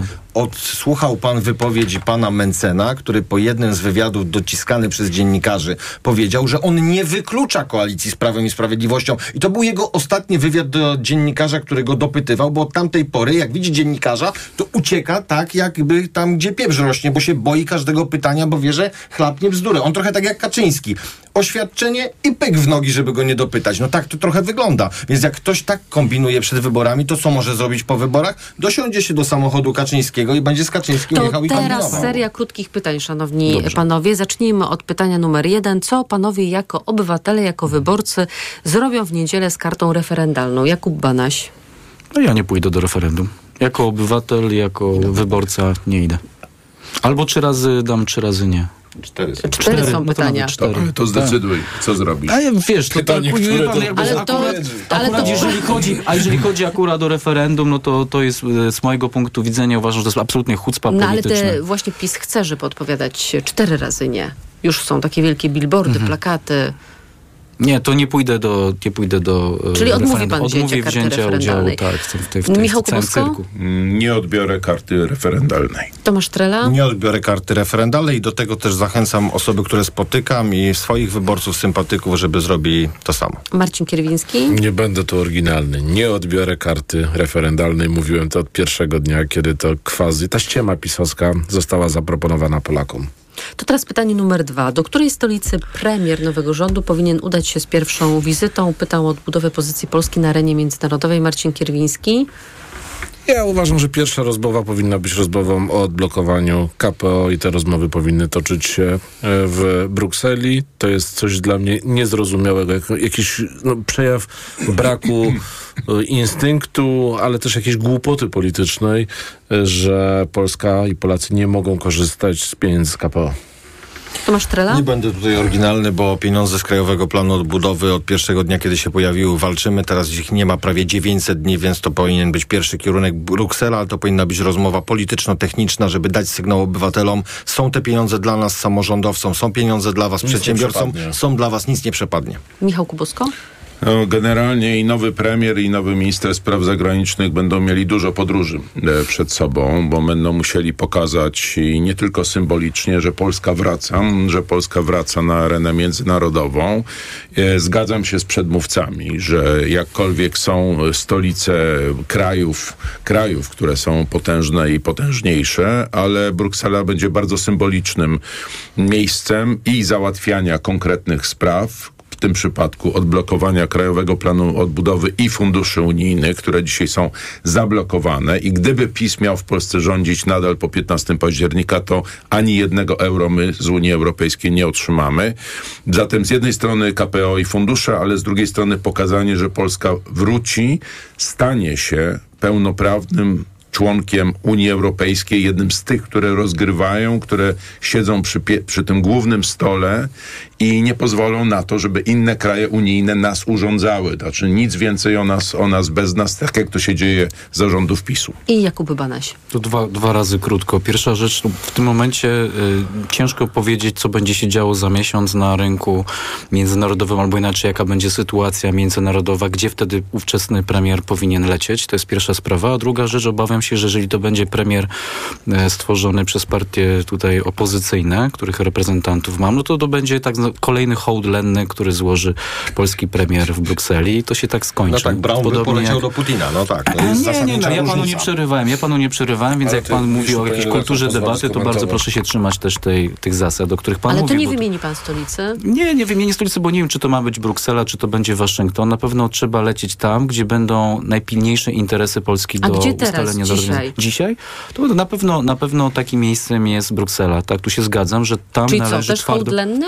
Nie, tam twardo właśnie należy walczyć o polską rację stanu i o to, żeby y, Polska na pewno wykorzystywała wszystkie mechanizmy unijne do blokowania różnych, y, różnych działań Unii, które na nas A to konkrety. Jaka jest teraz polska racja stanu i jakie mechanizmy należy blokować? No na przykład chociażby wykorzystywać weto. Uważam, że fit Ale for, do fit czego? for- no żeby blokować chociażby narzucanie nam, no narzucanie nam takich rozwiązań jak Fit for 55, jak cała polityka klimatyczna i narzucane nam programy, które będą zmuszały do tego chociażby, żeby auta były spalinowe wycofane do 2030 roku. Na to No, sobie to nie jest możemy wspólna polityka unijna, czy państwo chcą wyjść z Unii Europejskiej, żeby nie realizować chcemy- tej polityki co? klimatycznej? Nie, pani redaktor. Pierwsza rzecz, którą trzeba robić, to tam twardo swoje interesy artykułować yy, i wykorzystywać dostępne mechanizmy instytucjonalno-prawne, żeby te interesy chronić i je forsować, bo A Unia jakie Europejska... dostępne te mechanizmy No, instytucjonalne, prawne chociażby, by pan wła- wykorzystał? chociażby właśnie,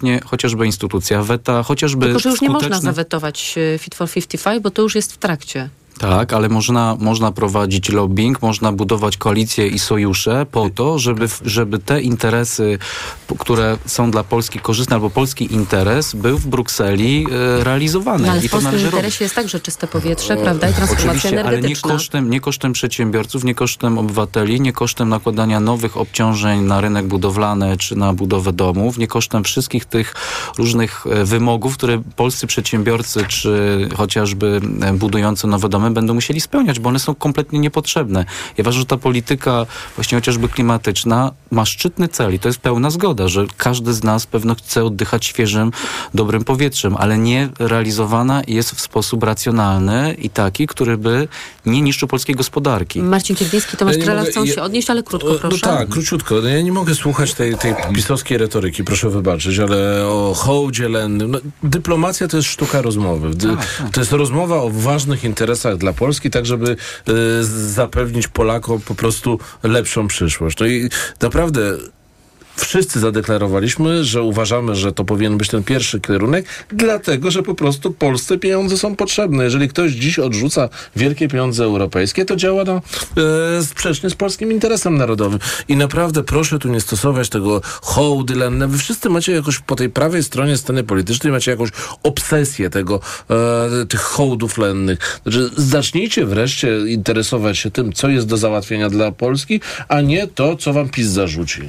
Ja chcę Tomasz dokładnie to Trela? samo powiedzieć, dlatego że jak my tutaj we trzech mówimy o tym, że trzeba jechać, załatwiać sprawy w Komisji Europejskiej, to przystawka Prawa i Sprawiedliwości mówi, że trzeba jechać coś wetować. Ja nie wiem, jakby tam chciał jechać Mencen, stanąć na rynku w Brukseli i krzyczeć weto, ja nie wiem. No działa to trochę na zasadzie takiej, może ja panu to wytłumaczę, że jak są odpowiednie gremia w Komisji Europejskiej czy w Parlamencie Europejskim, wtedy się wypowiada. A jak się jedzie w sprawie, to się umawia na spotkania i załatwia konkretne tematy. I my mówimy Wetować o tym, że Radzie dokładnie, że my, my chcemy tam pojechać, żeby załatwić konkretny temat, bo blisko 900 dni nie mamy 270 miliardów złotych na inwestycje dla przedsiębiorców, o których pan mówi. Tam jest 20 miliardów złotych dotacji dla przedsiębiorców. To są pieniądze do załatwienia. Co tam pan chce jechać Ale wetować z kim i do kogo? Krótko, panie e, pośle, nie ma darmowych obiadów. Jak pan myśli, że pan przywiezie jakiś worek e, pieniędzy z Brukseli, to pan wprowadza, mówiąc krótko, błąd. 700 Polaków, miliardów dostaliśmy. albo pan jest 700 miliardów dostaliśmy, to jest niech pan, netto. Ale niech pan okej, przypomni, ale- ale, poczekajcie panowie, poczekajcie panowie.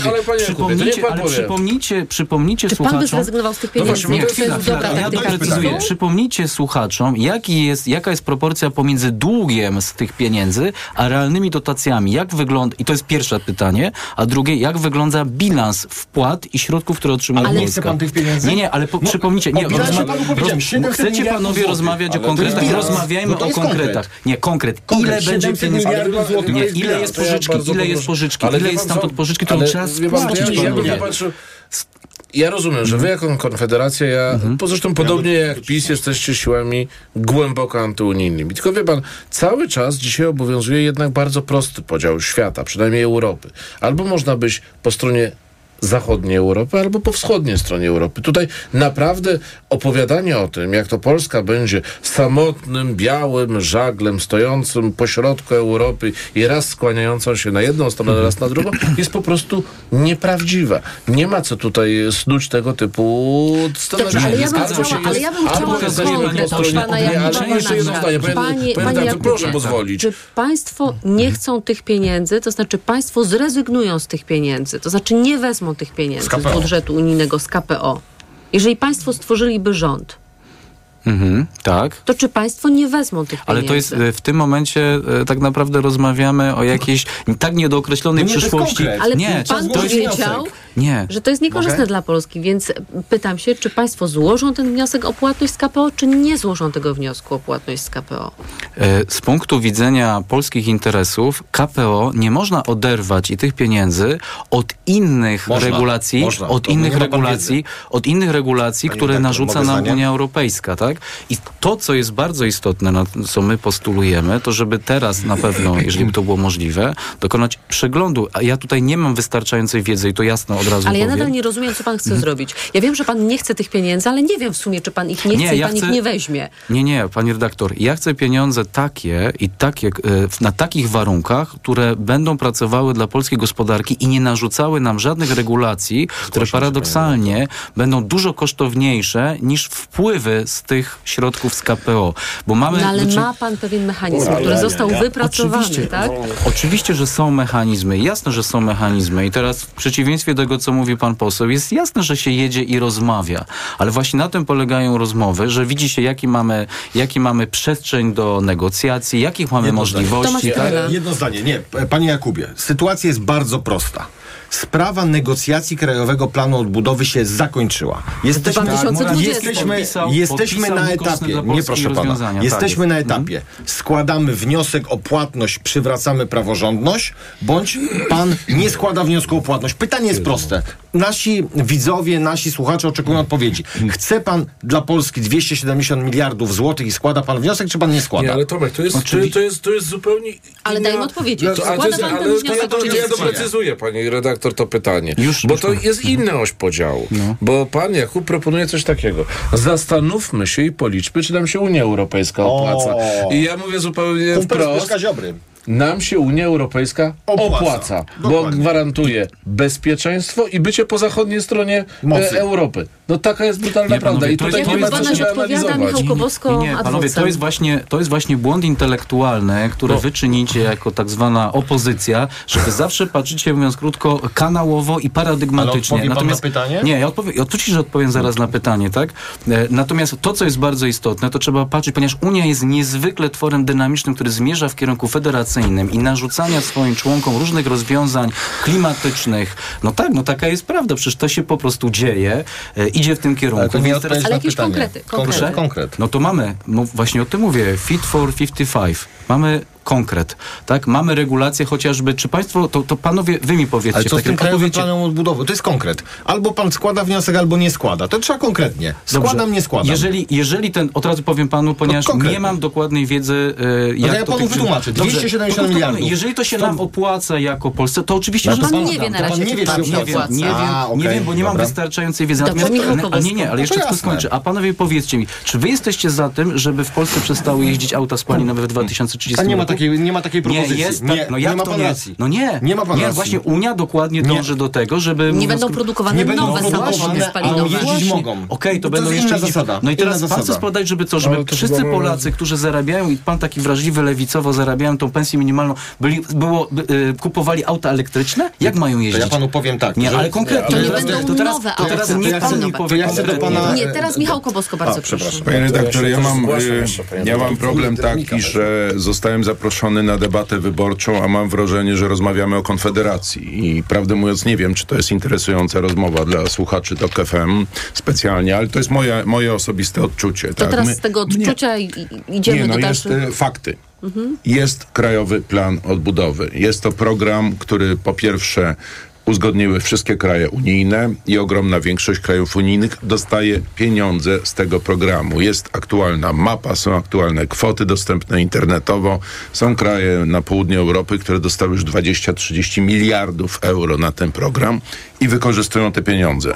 U nas w wyniku działań rządu pisowskiego nie mamy żadnego ani jednego euro.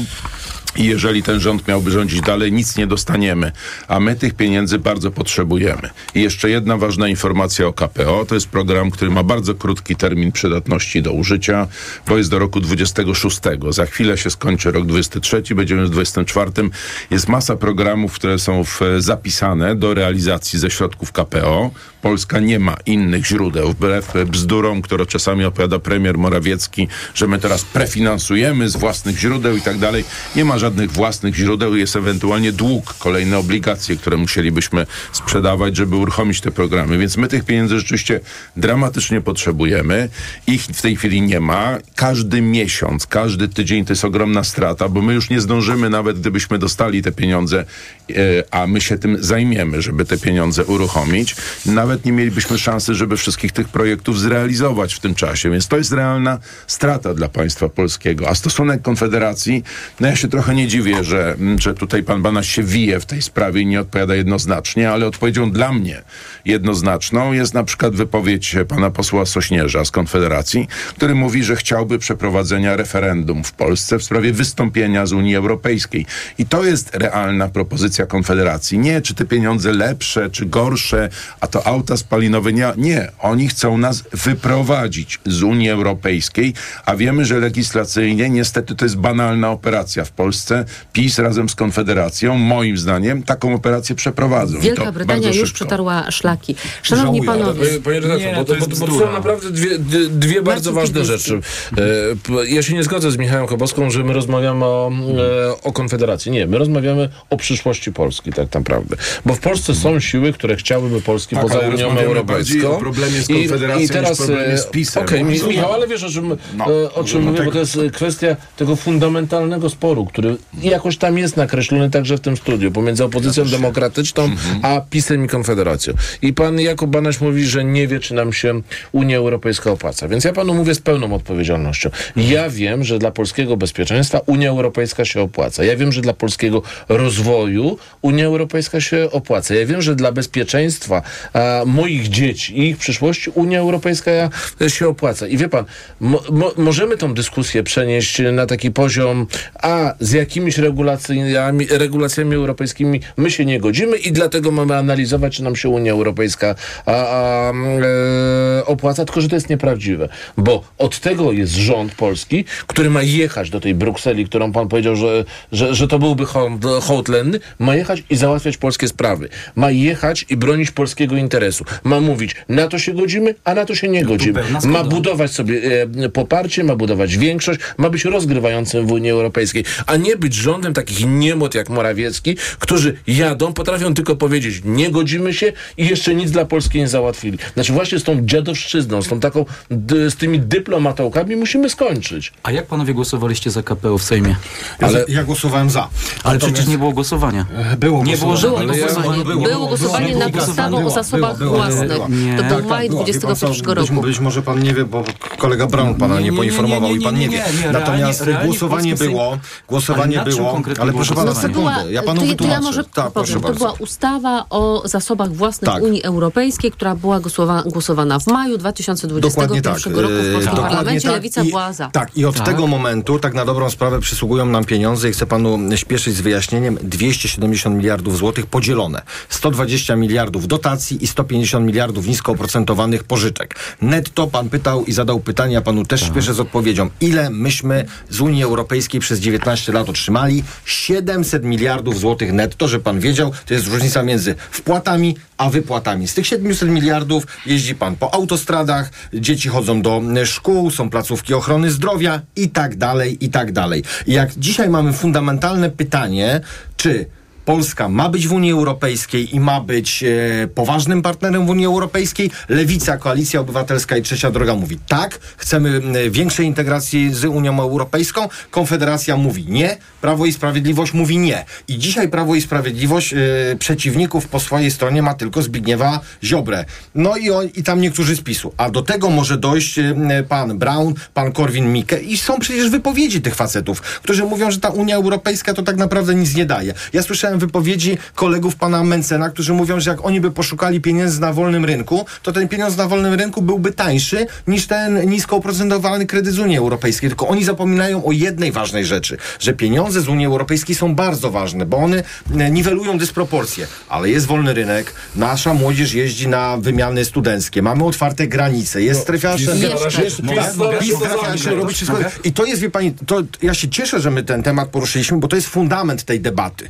To jest tak, czy Polska ma być takim... y, do, Czy Polska będzie w Unii, czy jej czy nie Polska będzie będzie w Unii? I będzie przyszłość Polski w bezpieczna, Unii, czy będzie bezpieczna, czy będzie niebezpieczna? niebezpieczna. A po tej stronie nie ma PiSu, więc no przysłali wysłannika PiSu, pana z Jakub Konfederacji, Banaś, więc bardzo musi brać krótko. wszystko na siebie to i bardzo tłumaczyć się za krótko do przedstawiciela czerwono-tęczowej przystawki Bardzo Platformy. ładnie pan to tak określił. jest. Ja się tego nie Krótko, wstydzę, no. Cieszę się, To że nie potwierdza pan dokładnie e, to, o czym mówię, czyli liczy się interes, bo jeżeli te No, liczy cyfry się są... interes- liczy się te cyfry, Polski, ale niech pan mi da powiedzieć, Polski, jeżeli te cyfry są prawdziwe, jeżeli te cyfry są prawdziwe, to pokazuje pan dokładnie, że mamy rację, czyli trzeba patrzeć mówiąc krótko, czy nam się opłaca bycie w Czyli Unii. pan nawet nie Jeżeli wierzy, że te cyfry, czyli nie, te nie wiem, bo nie mam, nie, mam, nie mam twardych danych przed sobą Excela, więc nie wiem, nie wiem jak się liczy. Metodologia jest też bardzo istotna. Jeżeli tak jest, jak mówi pan poseł, a wierzę, mam nadzieję, że tak jest, to bardzo dobrze, bo to pokazuje, że nam się tam opłaca być. Druga sprawa pod kątem bezpieczeństwa. Cieszę się, że pana przekonałem w ciągu dwóch Super. minut. Super. No oczywiście, no bo cyfry przekonują, jeżeli są prawdziwe, to cyfry matematyka przekonuje. Ciekawe, Trzecia to nie, niech pan nie przerywa.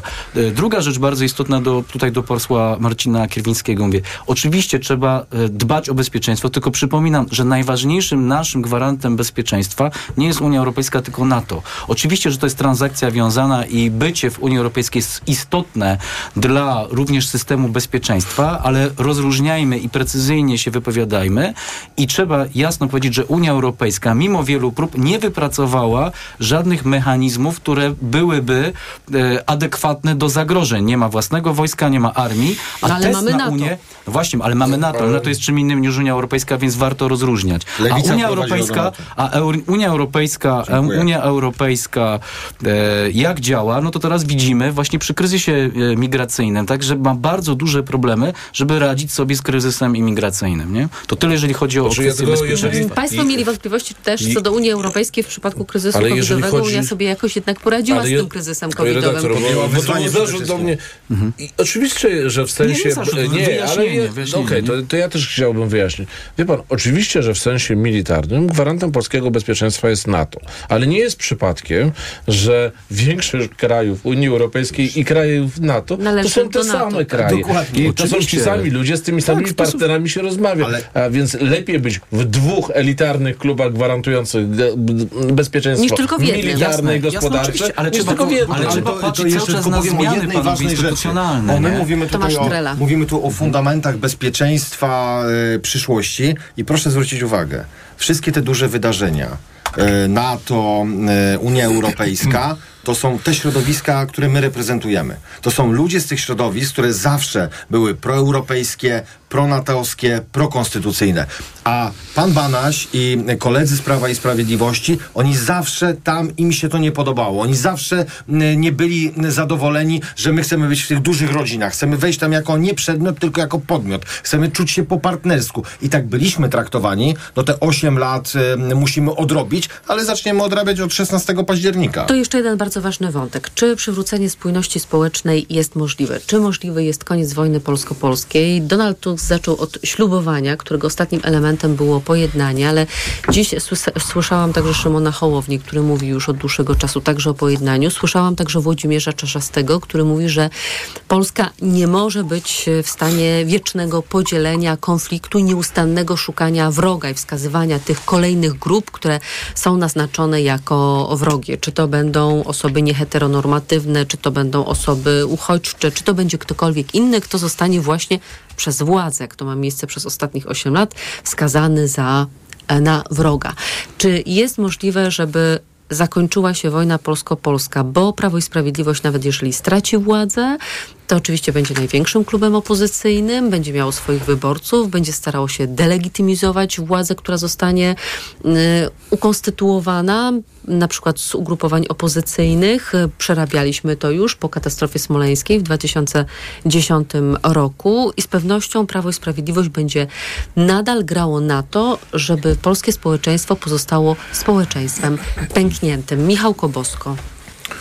Znaczy pani redaktor pyta, czy jest to możliwe. My Tak, czy uważamy, jest że, jest, możliwe, że jest to konieczne. Dlatego, że Polska się nie rozwinie, Polska nie pójdzie dalej w rozwoju jako kraj, jako społeczeństwo, jako naród. Ale to są dwie różne rzeczywistości. Czy Ale- coś jest konieczne, czy coś jest możliwe? Ja pytam, czy to jest możliwe.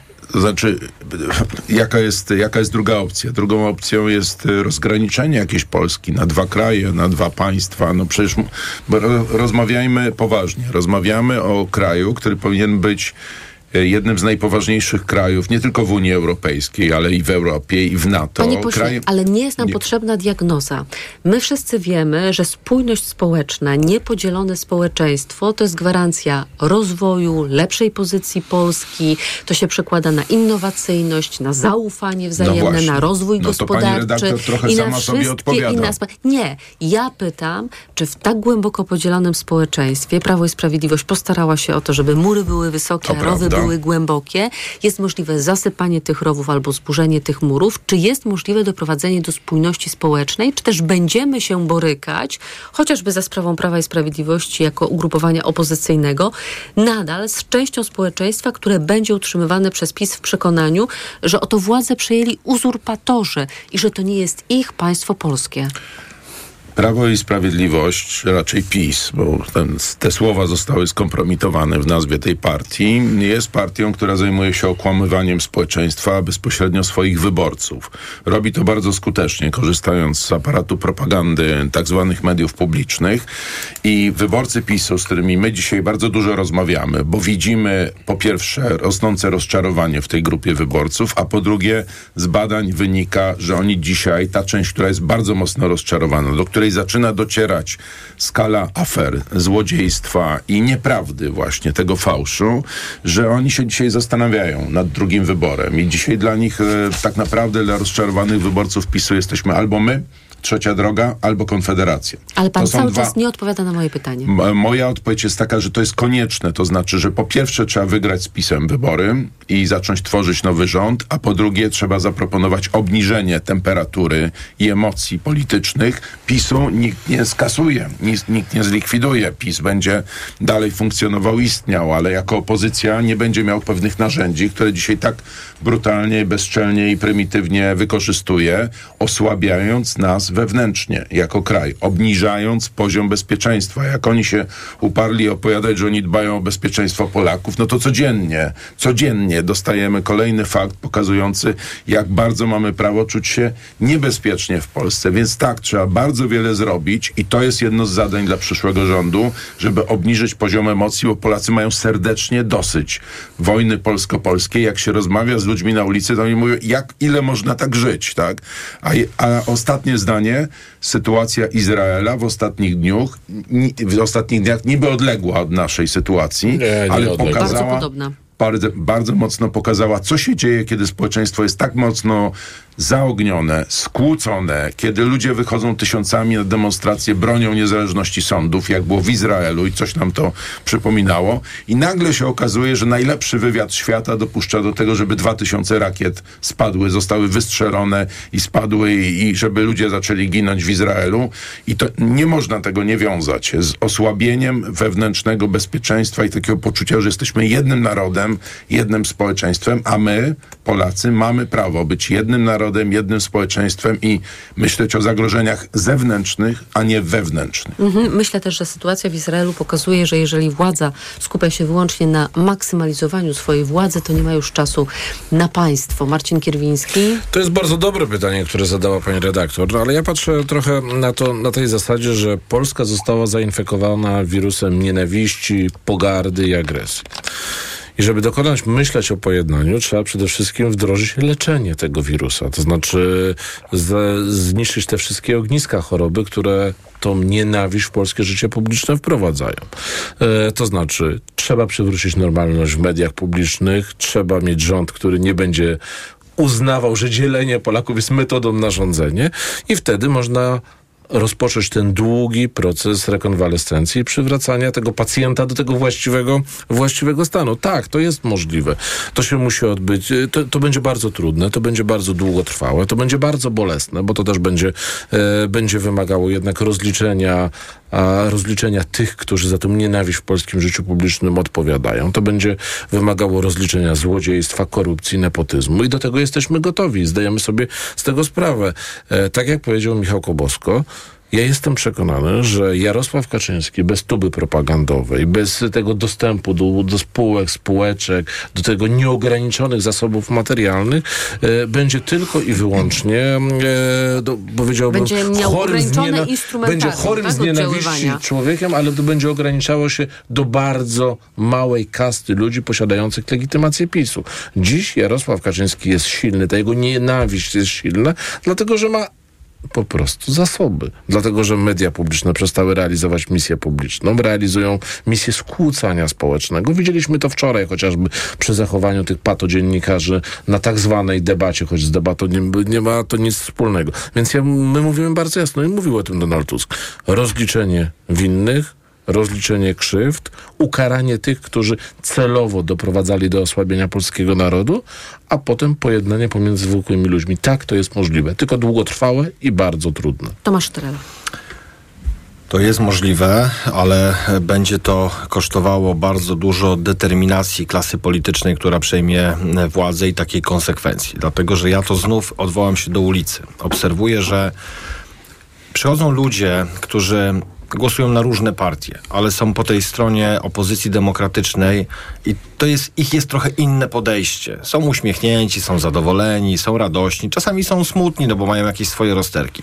Ale jak idzie wyznawca tej drugiej strony, mówię tutaj o Prawie i Sprawiedliwości, to tam jest taka nienawiść. Tam widać, że ten przekaz tej telewizji rządowej tak głęboko wszedł tym ludziom w umysły, że jak Że generuje agresję, Że tak? generuje agresję. I myślę sobie tak, kiedy media będą rzeczywiście publiczne, kiedy będziemy się ścierać na poglądy, tak jak tutaj rozmawiamy, mamy różne zdania, czasami się mocniej poprztykamy, ale jednak ma to e, pewne mm, normy e, takiej debaty i dyskusji, to ludzie też to zobaczą.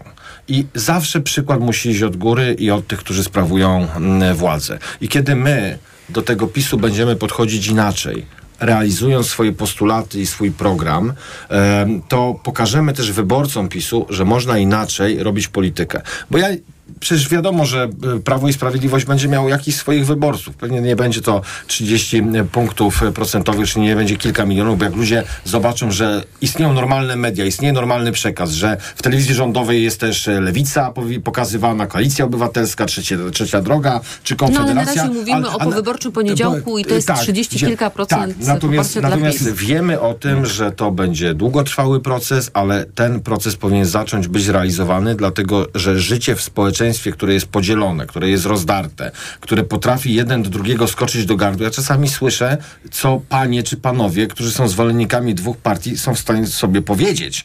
Nie mogę tego tutaj powiedzieć, bo mnie pani ze studia wyrzuciła, ale gdybym zacytował, to naprawdę to są Ale bardzo... to wystarczy przemówienia posła Kaczyńskiego. Tak, słuchasz. tak. To są naprawdę bardzo takie, takie agresywne jest takie, te, te, takie spięcie. A tu chodzi o to, różnimy się, mamy inne podejście, mamy inne poglądy, mamy inne wartości, ale mówmy sobie dzień dobry, mówmy sobie do widzenia. Wie pani, w tym parlamencie czasami jest tak, mówię w tej kadencji, ja jestem pierwszą kadencję parlamentarzystą, że ci z Prawa i Sprawiedliwości czasami boją się odpowiedzieć dzień dobry albo powiedzieć cześć. Ja mam wrażenie, że im było bliżej końca kadencji, było układanie list w Prawie i Sprawiedliwości, to oni jak nas widzieli, to przechodzi na drugą stronę, jakby kumpel albo koleżanka zobaczyli, że on z nami rozmawia, to jeszcze by go Kaczyński z listy wyrzucił. No to nie jest normalne. To nie jest naturalne. Tu chodzi o to, żeby w parlamencie była dyskusja, była debata, czasami ostra, ale żeby na ulicach ludzie byli zadowoleni, popierali kogo chcą, żyli z kim chcą, myśleli jak chcą. I żeby nie było to źródło konfliktów. Dokładnie tak, o to chodzi. I Jakub Banaś, co Konfederacja myśli na temat wojny polsko-polskiej? Znaczy, na pewno nie wiem, co Konfederacja jako całość myśli na temat tej wojny, natomiast e, Tu wracamy mi do się... eklektycznych poglądów Proszę? państwa koalicji. Nie, jeszcze raz, jeszcze raz? Do eklektycznych poglądów państwa koalicji. Nie eklektycznych, tylko, tylko ceniących różnorodność i to jest nasza siła. Natomiast ja, ja, ja bo słucham z przyjemnością tego, co poseł Tral na przykład mówił, tylko ja to traktuję trochę właśnie jak tak lewica, która ma dużo pomysłów takich dobrych, chciałaby dobrze dla ludzi, a rzeczywistość taka jest, jaka jest. Rzeczywistość jest taka, pani redaktor, moim zdaniem, że ten podział będzie trwał. Co więcej, on będzie zaogniany. Dlatego, że to jest w interesie popisu, bo ten podział zbudował najpierw Donalda Tuska, później Jarosława Kaczyńskiego i żadna ze stron nie odpuści, bo w ten sposób mobilizuje elektorat, w ten sposób e, buduje kolejną Ale kampanię pamięta pan wyborczą. politykę miłości Donalda Tuska w 2007 Ok- roku? okej, Brak ale- rozliczenia PiSu właśnie dla, No. na rzecz spokoju społecznego? Tak, i później zrozumiał, zrozumiał, że to nie działa. Zrozumiał, że no tylko nie, no i chyba wyłącznie... zrozumiał Jarosław Kaczyński w 2010 roku, że taniec na trumnach mu się opłaca. Tak, no Jarosław Kaczyński też i świetnie. I to, są, to, co teraz mówię, to nie jest moja teza, to pisał bardzo dobrze Robert Krasowski w książce o demokracji w Polsce.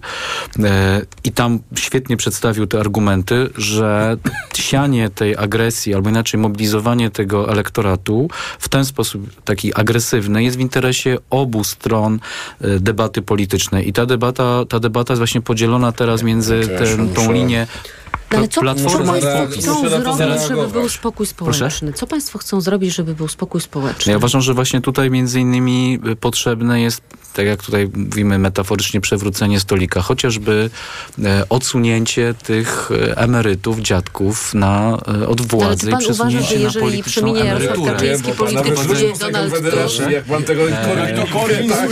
z Braunem, to jedzie pan grubo, ostro pan Ja- jedzie. Na pewno, na pewno, na pewno liderzy polityczni powinni wiedzieć, kiedy jest ich czas przejścia na emeryturę, ale jeżeli nie wiedzą, to trzeba im w tym pomóc. No to Januszowi Wprowadzić- Korwin-Mikkemu pan mówi, że on już przysypia na tej sali. Może czas właśnie sobie spać No, w fotelu Janusz, Bujana. e, Janusz Korwin-Mikke jest już częściowo jedną nogą na emeryturze politycznej, bo liderem e, formacji jest Sławomir Mencen, a nie Janusz Korwin-Mikke, więc to środowisko wyciągnęło wnioski i już zmieniło lidera na człowieka dużo młodszego, więc na pewno, żeby taka, te emocje opadły, to jest kwestia, tutaj się zgadzam, tak, e, wprowadzenia nowych ludzi do polityki, ale to nie jest powód. Ja uważam, że Rozumiem. Pan uważa, że y, Jarosław Kaczyński, Donald Tusk muszą odejść i wtedy jest Nie, koniec to nie, właśnie, nie, właśnie, tak? właśnie ja nie mam, ja nie mam Już bajkowego tak, tak. i takiego chcieństwa polskiego w podejściu do polityki i do realizmu poznawczego. Realizm poznawczy, ten konflikt szybko nie wygaśnie. Ale- ten ale konflikt może wygasnąć wtedy, jeżeli to państwo się istotowo zmieni. To znaczy politycy nie będą mieli takiego wpływu na pieniądze, na nasze życie. Wtedy, A wtedy kto będzie zarządzał tymi pieniędzmi w Proszę? takim razie? Kto będzie jeżeli, zarządzał no, jeżeli budżetem? państwo będzie, państwo będzie, mówiąc w skrócie, chudsze, nie będzie tylu fruktów do rozdania, nie będzie tak, tak partie nie będą budowane na, na tak jak teraz, że to są takie organizacje, można powiedzieć,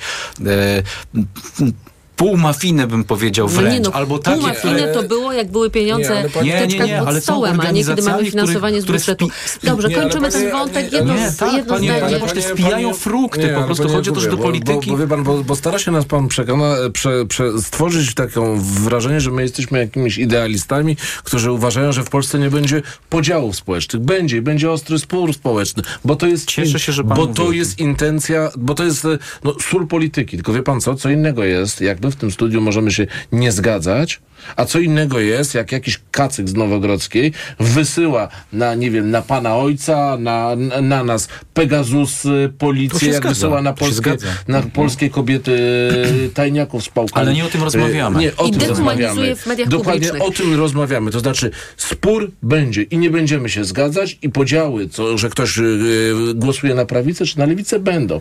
Natomiast można to robić w sposób cywilizowany, tak jak to się tak robi w, demo, w normalnych demokracjach, a nie tutaj w demoludach, które nam zafundował bo mam Kaczyński. dla panów niespodziankę. Zrobimy sobie teraz coś takiego jak w debacie TVP i będą mieli panowie po 30 sekund, żeby powiedzieć 30 e, sekund. swoje ostatnie słowo. I zaczynamy. Tomasz Trela, bardzo proszę.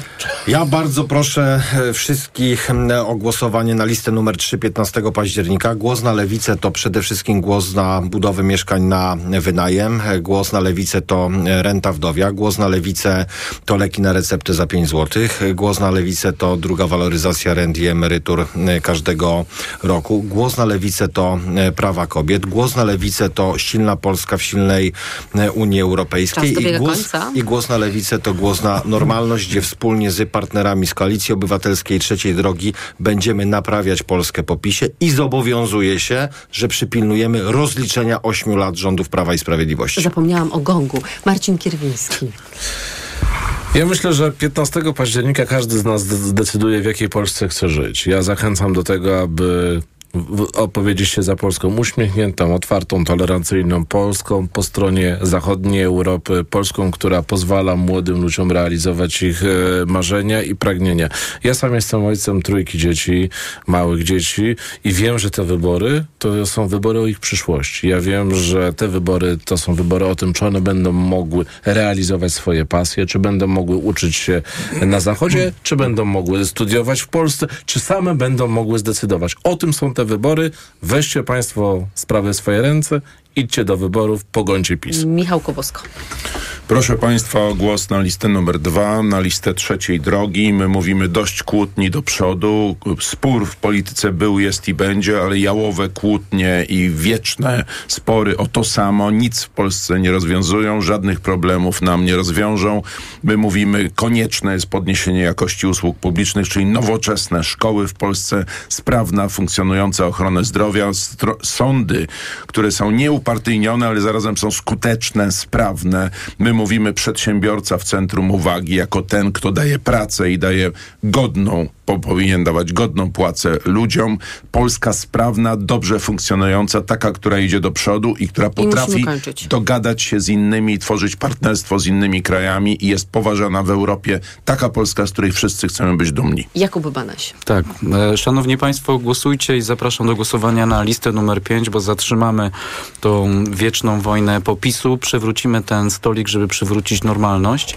Uważamy, że pierwsza podstawowa sprawa to gospodarka, e, do, dlatego dobrowolny ZUS dla przedsiębiorców, dlatego proste i niskie podatki, dlatego e, odbiurokratyzowanie państwa, bo wiemy, że bogactwo i dobrobyt bierze się nie z rozdawnictwa, ale z ciężkiej pracy, oszczędności i z tego, że politycy, urzędnicy nie zabierają waszych pieniędzy i zostają w waszych kieszeniach. Głosujcie na Konfederację. Bardzo byli, dziękuję. Byli z nami Jakub Banaś, Tomasz Trela, Michał Kobusko, Marcin Kierwiński. Bardzo, Bardzo panom dziękuję. dziękuję. 13 i ostatnia debata wyborcza z cyklu debat wyborczych TOG FM dobiega końca. Szanowni Państwo, program wydawali Karolina Kłaczyńska oraz Tomasz Krzemiński. Program realizował Maciej Golczyński, a za transmisję wideo odpowiadała Berenika Binczyk. Rozmawiała natomiast Karolina Lewicka. Życzymy Państwu spokojnej i dobrej nocy i do usłyszenia. Debata TOK FM. Reklama. Dlaczego wybieramy Witotal dla kobiet? Zawiera aż 23 witaminy i minerały w wysokich dawkach. Witotal dla kobiet kompleksowo wzmacnia organizm. Jod i selen wspomagają prawidłowe funkcjonowanie tarczycy. Nie muszę martwić się celulitem i moją sylwetką. Wyciąg z winogron pomaga utrzymać wagę. Witotal dla kobiet zawiera też wyciąg ze skrzypu polnego, który sprawia, że moje włosy są piękne,